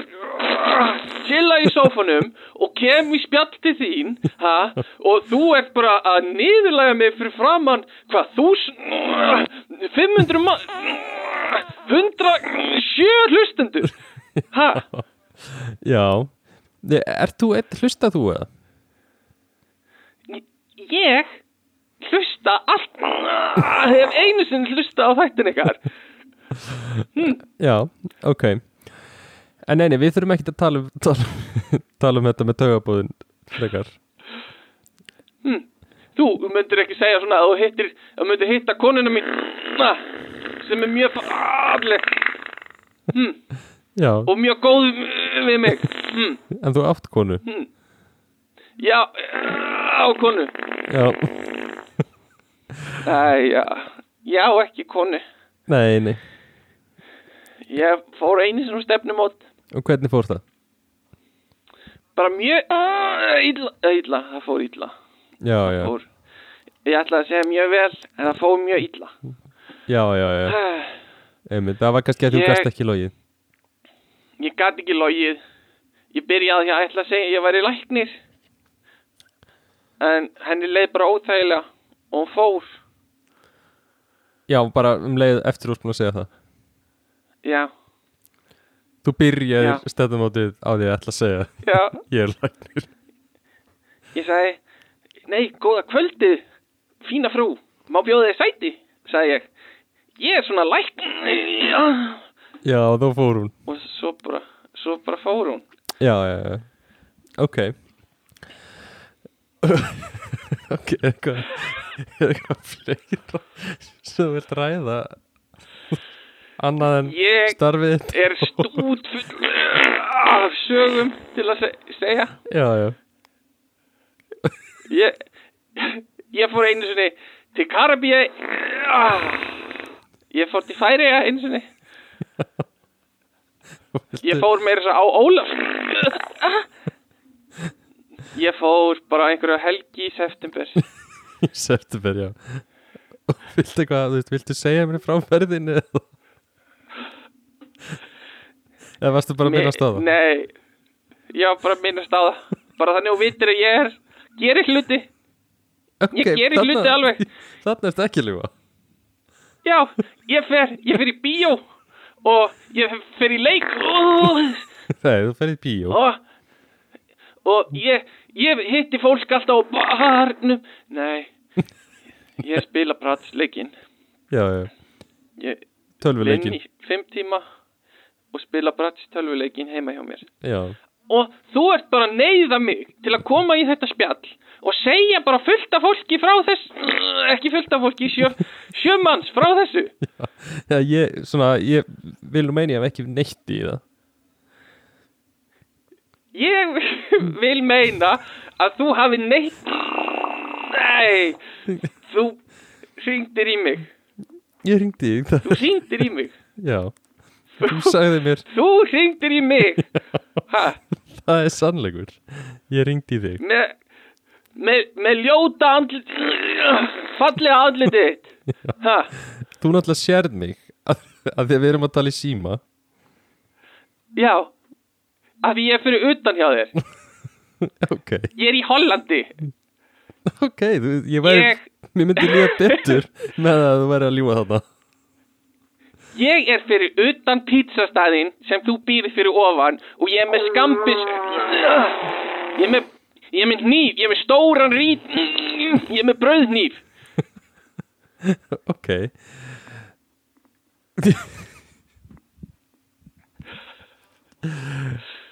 Ok, Segð eitthvað. Hald þú samtalenu gangandi ég veit, ég er eitthvað Af hverju? Segð þú eitthvað? Af hverju ertu fyrir utan? Ég, mér finnst þið bara ekki tala nógu mikið um uh, sjúkdóminn minn. Já, já, í þessum eina þætti sem við lustu á. Hvað hafið ég gert marga þætti? 120 og eitthvað þætti og þið hafið aldrei minnst á mig. Þannig að þú hefur hlustað alla? Nei, ég hlusta á einn þátt En allir vinir Allir vinir? vinir mínir. Áttu marga vinni? Já, já, einn vin. Hefur hann hlustað á alla? Hann, hann hefur hlusta á alla þættina. Hann heitir Argrímur Einarsson. Hann segir mér að þið hafi aldrei talað um mig. Já, hann sagði það. Hann sagði mér það Já. Herðu, Hann sagði mér það. Ok, ég hérna bara um, vona uh, að hún bara uh, Ég veit ekki hvað er að gera Ég hérna. vona að þú eigir góðan vondanótt Já, ég bara Vertu sæll. Já, verður sæl Æjæjæj sko. Verður þetta fyrsta símtali sem verður klift út eða? Æ, ekki sen sko. Þetta var uh, Ég heyrði svona út undan mér úr, uh, Já, já, úr frammi sko og við hljómaði eins og þetta hefði verið mjög pínlegt. símtal. Þetta var uh, velti fyrir mér. Ég átti erfitt með maður hvert þetta síndal var að stefna Ég viðkynni það. Já, maður hefði kannski haldið að þú hefði reynd að beina þessu í einhverja átt eða, eða reynd að halda samræðanum uppi uh, ekki að benda á neitt eða að kenna neinum um. Nei, nei, en sumir eru bara fókusaðar á karakter og leika eitthvað. uh, ekki ég Nei, en nei. tengt okkur, en maður getur alveg ímynda sér og þá vill maður fá einhvern til að halda uppi samræðanum. Það er alveg rétt sko. Um, En já, alls ekki klift út sko. Það er náttúrulega bara, Já, já, þetta er bara æðislegt. Ok. Bara óviðjandi og ógislegt grín. Já, um, Svona er þetta þegar maður hugsaður ekkert mikið um hvað maður ætlar að gera. Um, Þá kemur bara eitthvað. Um, En hérna, það var ekki þetta. Ég er að tala um eitthvað allt annað. Ég var frammi, ég var ekki, ég var ekki nei, hérna nei. Um, En hérna, ég held að þetta sé að verða bara gott hjá okkur í dag Já, ég, um, mér finnst svolítið leiðilegt að hérna Þú hefur ekkert minnst á styrtaræðilega þáttarins og það er alveg tveir klukkutímar og kort er Fuck! búið sko. Það er rétt. Herðu, rauðin dagsins í dag, hvað er það? Það er Sá hæ- ert með eitthvað? Uh, græni. Er það classic? Það er sá græni, það er Heineken en ekki Heineken, baby. Og styrtaræðilega þáttarins í dag eru uh, spjekoppar uh, Hæ, sæta. Ertu með smá spjek koppa Úf, svipurinn á gumma var Þetta var Þetta, það var ekki til í þetta sko. Það eru Það var enda þáttur að vinda æ. Ég vona þessi leikur verði einhver veistla sko, því að Æ, æ, æ, æ, enda herðu svona sko. Æ, æ, æ, herðu Hvað eru slagur hjá spjekkópum? Steiktar alveg þátturinn, spjekkópar Það eru uh, ekki vera spjö hrættur vertu spjö koppar. Bam, spjö koppar. Negla. Spjekkópar Glæsilegt. Um, Og uh, ég held að uh, Já, er eitthvað meira? Ég, Vilt þú tala eitthvað meira um eitthvað? uh, Nei. Alls ekki sko. Nei. Þá held ég að við segjum þetta bara gott í dag. Þetta er sennilega að öllum líkindum næst síðasti þátturinn sem við gefum út. Í næstu viku eftir þennan þátt kemur uh, svona special öðruvísi þáttur uh, ekki svona hefbundin þáttur þannig að hérna uh, uh, þið vitið að því þetta er svona venjulegi hefbundin þáttur síðasti venjulegi hefbundin þátturinn okkar fyrir sumafrí svo komum við aftur einhvern tímann í ágúst býst ég við. Um, þannig að bara allir eru meðvitaðan það. Eldtressir með fullt af nýjum sögum og nýjum legum og nýju einhverju gríni eða eitthvað, ég veit ekki eins og hvað það er. Símtölum, um, samtölum, samtölum samtölum. og nýjum þemum. Og uh, og ég hlakka bara ævintýrum. Og ég vona að, að hérna meetupið sem er á morgun uh, hlustendahittingurinn verði skemmtilegur. Og það mæti allavega einn. Það er svona markmið okkar að mæta ein manneskja. Má það vera uh, uh, Nei. Manneska sem hefur aldrei verið í þættinum. Ok, það væri geggjað. Ein manneskja sem eru aldrei verið í þættinum það er markmið okkar. Um, ok, uh, eitthvað meira frá þér? Uh, Nei. Uh, oh fuck, ég, ándjú, ég er að klúra þessu svo mikið. Ég er að fokka upp. Ég átti náttúrulega eftir að segja takk fyrir að hafa sambúði uh, Ekkert frétta at gmail.com og ekkert frétta á Instagram. Takk fyrir að segja við að erum eitthvað frá podcastinu. Takk fyrir að læka Takk að hlustendum. Já, fyrir hvað? Fyrir, E-maila? Uh, já takk fyrir að senda okkur post. Á ekkert að frétta. Þegar þið póstur. senda okkur post. Nei, en það voru message á Instagram. Já, Þannig að, að hérna, það er alltaf gaman. Fengur hrós, það er næs. Um, Og hérna uh, Takk fyrir uh, Já, að læka og hlusta. Er eitthvað meira sem þú vilt bæta við komundur? með hvað ætlar að spyrja mig ofta þessu áður en að loka þættin Oh my fucking god. Ég er að reyna að halda hérna þætti gangandi Og þú kemur alltaf með eitthvað svona neikvæð komment. Skilur Veistu undir hversu miklu álægi ég er? uh, Já, Rosalegt. Það er aldrei Herru, þá segjum við bara bye. Já Bye. Bye